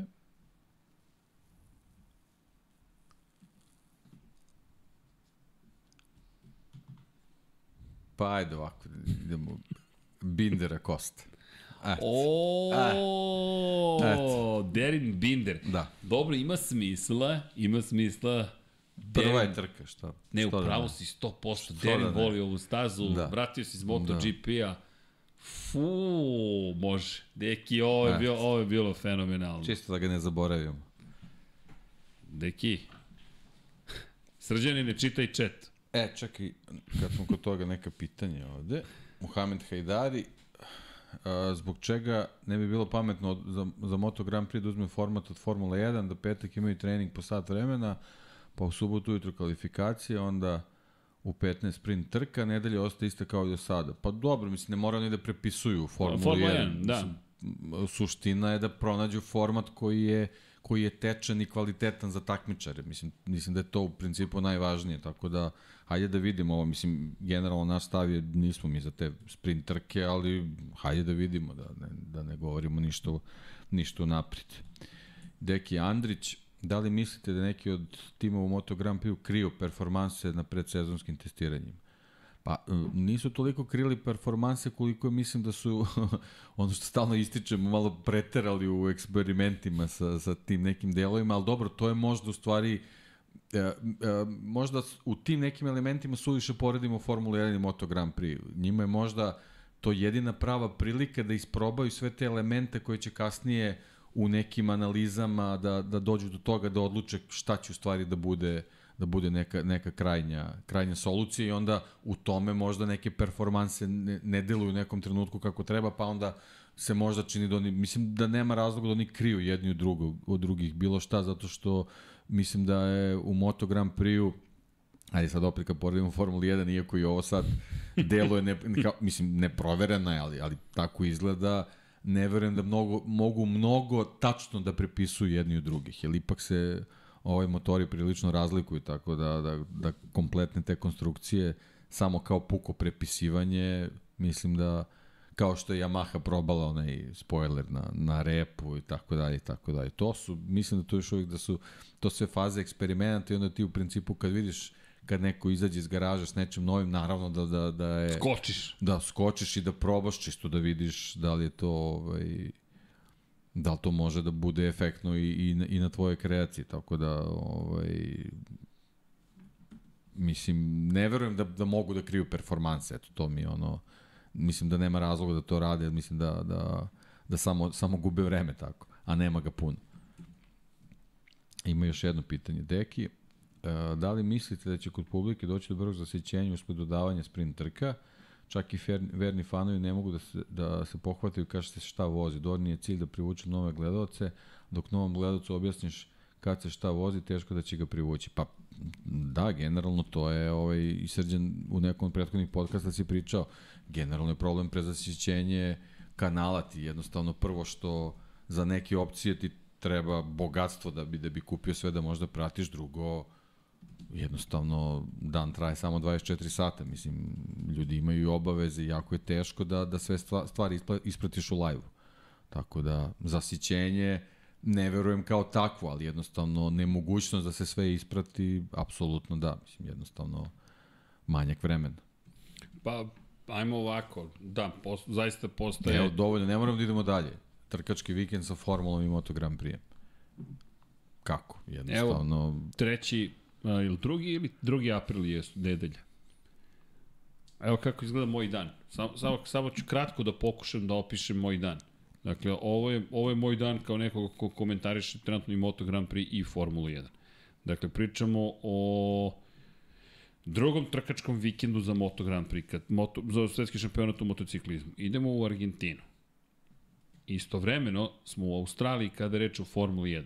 Dakle, čitam vam šta se događa i neću se dotaći čak ni Formule 2 i Formule 3, koja takođe, mada bi trebalo, za, ajde dotaći se i toga. Ovako, moj prvi trening je u 3.30 ujutro Formule 1, 31. marta, što je petak ujutro. To je noć četvrtak na petak zapravo. Dakle, ja govorim o tome da Pavle i ja ćemo da radimo u... Ne, nećemo raditi... Da, zapravo, krećemo u tom momentu u 3.30. Potom, kada završimo trening broj 1 Formula 1, radimo kvalifikacije Formule 3. Zatim, imamo Formula 1 drugi trening. Samo u nastavku. Dakle, mi ka, kada smo krenuli, nema više nazad praktično. Mi od 7 sati ujutro imamo trening broj 2, posle toga imamo kvalifikacije Formule 2. Zatim, tog istog dana, dakle u petak, to je sada već petak, trening broj 1 Moto3 klase kreće u 14.00. Završava se ceo program u treningom 2 u 21.00. Da bih u 1.30 uveče morao da budem na trci broj 1 Formule 3. Pa posle toga Formula 1 trening broj 3, pa potom trka Formule 2, pa potom kvalifikacije Formula 1, pa kao kratka pauza, pa ponovo sve, tako u krug. Ne znam kako ćemo to da izvedemo. Evo sad iskreno vam kažem, kad sam rekao i ove godine putovanja na trke, ne. Ja, ja ljudi ne znam fizički kako ćemo mi to da izvedemo. A da ne govorim, koncentracija kakva treba da bude za poslednji događaj koji će biti na programu nedelju uveče, a to je trka Moto Grand Prix posle svega ovoga i ti sad pratiš mu trku Moto Grand Prix. Ja, ja ne znam, znam da sam jednom doživao situaciju, bilo je na NFL-u, imao sam Moto Grand Prix, pa Formulu 1, pa jednu, trku, pa jednu utakmicu NFL-a, pa drugu utakmicu NFL-a. Žulo je radio sa mnom, ja sam na drugu utakmicu NFL-a počeo, nisam znao šta gledam. Ali stvarno, to mi se desilo prvi put u životu da nisam mogao da, da, da izvučem iz mozga ime igrača. E, I ovako sedim i gledam I Žule nešto priča i ovako gledam i kažem Žule, izvini, ja moram da izađem na vazduh. Ja, ja moram da odem da se umijem, ja moram da popijem kafu, ja moram nešto da uradim. Ne bi li svoj mozak ritnuo da preživi još toliko i da čovjek ne komentariše sam. A to, to je, ajde, specifičnost, ali generalno baš je, baš je Evo, kaže Hrvoje, to će biti top vikend, zatvorim se u kuću i ne delite. Eto ga. Nikola Bati inače donirao 500 dinara i kaže evo za biblioteku da e, se pa, nađe. Hvala. Veliki pozdrav. Hvala Nikola. Ali Hrvoje upravo... smo na početku je bila neka donacija. Stvarno? Evo odmah ću da reagujem. Da li je donacija ili, ili vidiš, zaboravio sam, izvinjavam se. E... U nekim čudnim valutama je nešto bilo. Čekaj da vidimo. Morat ću od sada da, da sečem i da odmah govorim čim vidim. E, Ako ostavljam za kasnije, nema Alex ništa Rins for the win. To e, Srki to. Care Hošac Bravo. kaže dve, dve konvertibilne marke e, donirao. Hvala, to, to. hvala, hvala, hvala. Dobro. Da, Nedim Tufekčić juče, da li bi mogao Perez da se osveti za najbrži krug i ne pomogne, nisam to na, na Verstappenu kada bude trebalo imaći u obzir u, kraj prošle sezone takođe. Ne, u Hollywoodu možda. O, to, to, to. Ja sam juče ovde pravio Hollywood deki. Zamisli, evo, komentar za Formule. Zamisli koliko ljudi bi navijalo za čeka da kaže neću, opirem se korporativnom uh, pristupu, ja ću sada da se borim i onda Meksiko je uz njega, Severna Amerika i tako da. Evo, pa, kao Paja što je reagovao. to, stolice zvana Postoje realnost. paralelni univerzumi, ali na kraju ovog ne. Mislim na drugom kraju. Dobro, studiju smo na kraju univerzuma. Da. I tako. Kojim avionom prevoze motorhomova iz Evrope u Argentinu? Nema motorhomova u Argentini, ne prevoze ih. Prevoze se samo motocikli, delovi i naravno ljudi odlaze tamo i kada ste, na primjer, u Kataru ne postoji motorhome. klasičan, nego ili rentate ili vam organizator obezbeđuje gde ćete da spavate. da. Tako je, šator uglavnom. Tako da toga nema. Ima, li, na, ima i NASCAR 2. aprila u Richmondu, možeš li to da, da odradiš, pita Boris. Pa, hajde. Odlična ti ova godina tvoja programa Srle da poludiš ali drži se. Znate šta, to, ja to stvarno volim, ja to stvarno obožavam, ali kako bih rekao, nisam mlađi iz godine u godinu, a Ne, samo je stvar u kalendaru. Tako to je. čak nema veze, mislim, stvarno ne, nehuman broj trka, ne, ne vezano za, za komentator, ne, nehumano je za, za vozače. Pa zahtevno je. Ali, okej, okay. vidjet ćemo kako će to da, da, da prođe. Kaže Tomislav Nikolić, ne bi niko navio za čeka jer od tog trenutka ne bi vozio za Red Bull. E, da, da, da, to je, to je, to je prilike to postoje neke klauzule koje su vrlo jasne. koje je potpisao i koje su bile uslov da uopšte I nastavi ta da vozi ekipa za ne bi Red Bull. tako funkcionisala dobro da to nije postavljeno kristalno jasno sve. Tako je, tako je. Evo, Edo, Edo kaže, donirat ću ja 42 eura kroz poruku. Ako pobedi Rins. Da, ako pobedi Rins. Samo kliknite ovu oznaku dolar. Ništa moramo da ga, da ga zovnemo, ovaj, da, da mu objasnimo neke stvari. Ja, da, boli me stomak sada već, ali dobro. Ne boli me bukvalno nego od smenja. Inače, mislim da iz druge prostorije dolazi neki mazut, da je neko upalio ovaj agregat, neki, neka nafta se osjeća. Ja mislim da su kolege tamo i preko puta. Osjeća se 100%, verujte. Tamo gde je restoran u pozadini. Ali tako je. A, deki, nešto, juče su spominjali Flavija. Provocirali smo. ne, ne, da, priča, Prošlost. pričali Čovjek je smo. prošlost. Da, pa, nažalost, još uvek je u Formuli 1. Deki svoje dao. A, kaže, Srki, gledao sam neko predavanje iz 2014. Tamo si priznao da više voliš Moto Grand Prix razotkriven si. Nemam predstavu o čemu pričate. Šalim se, pa i dalje nemam... A, Ne, ne, a ima još jedna stvar, ljudi, meni se toliko promenio život od 2014. ko zna šta smo sve mi prošli. Samo od podcasta da krenete, evo, verujte da mi neko rekao pre pet godina, e, znaš, neki potkonjak i ti ćete da sedite svake srede negde, bilo gde, na kafi, na... Ja bih rekao, nema šanse, ne može se a mi podcast, podcast, po... Neki 288 ih je. Pre čemu smo radili i Kosmose, i Movie Night, i ne znam šta nismo sve radili. Dobro. Ali pratite ove kanale, možda smo tek počeli u našim ludim namerama da radi da ponovo promenimo kosmos. Deki, A sad idemo da spavamo. a sad idemo spavamo, da. Da. Samo čekamo koleginici iz prodaje da nas ugasi. Ljudi, Ne, ne, samo zaključak prvo. da, da. 329, takaj, 330 ljudi u anketi. Anketa govori kakva će biti sezona. Marquez 32% glasova, Banjaja 28, Bastianini 20, neko četvrti 20. Sve ste rekli. Sve ste rekli, bukvalno, evo imamo To je to, uzorak, to, to je, je to. tako vidite sezonu. Da ovo ćemo Tako da je. zapamtimo. Hvala za glasove, pre svega. Da, hvala za, hvala za, da, hvala, hvala što ste bili sa nami, što ste učestvovali, što se tiče OBS-a, OBS radi, evo, pet, ja mislim da je preko 700 emisija snimljeno već, bez brige, dobri smo mi. I kaže Srki, igrali se Diablo 4, beta, pa imam pristup, ali nisam uspeo da upalim ljudi. dakle, šta nas čeka za 300 ti podcast? Nemamo pojma, ljudi, ne, više ne znam ni šta bismo smislili za 300 ti podcast. A to će da bude za Uskoro. sutra. sutra. Jao, inače, sutra sam planirao da, da budemo na sajmu ceo dan, međutim, Anes je toliko vredan oko F1 Technical. Poslu mi je toliko poruka da moram sutra s njim da sedem da vidim šta je ovo. dakle, da vidimo šta, šta, šta analiza B-Winga i svega ostalog. Vidjet ćemo da li ću uspeti da sve to baš izvedem, ali želimo vam lep ostatak dana i kaže, deki, koji auto da se na sajmu pazari? Pa evo, odgovorili ste, Nissan, sve piše X-Trail, E-Power ili ti E-Power. Ljudi, nema odjevne špice, OBS je ne znam li da li ćemo uspeti da prekinemo s- Restream ću prekinuti. end stream, aha. A, Restream. imaš u studiju, možeš, ma da, možeš i u restreamu da prekineš i kažeš ćao. E, tako da, eto, probat ćemo. A kad će podcast broj 76? E, to je dobro pitanje. I broj 99 smo vam ostali dužni. 93-ku nismo. 27, 127 mislim da smo rekli da će biti za Casey-a. Hrvoje, teška pitanja u ponoć. Podcast 76 će bude kad Loris Baz pobedi.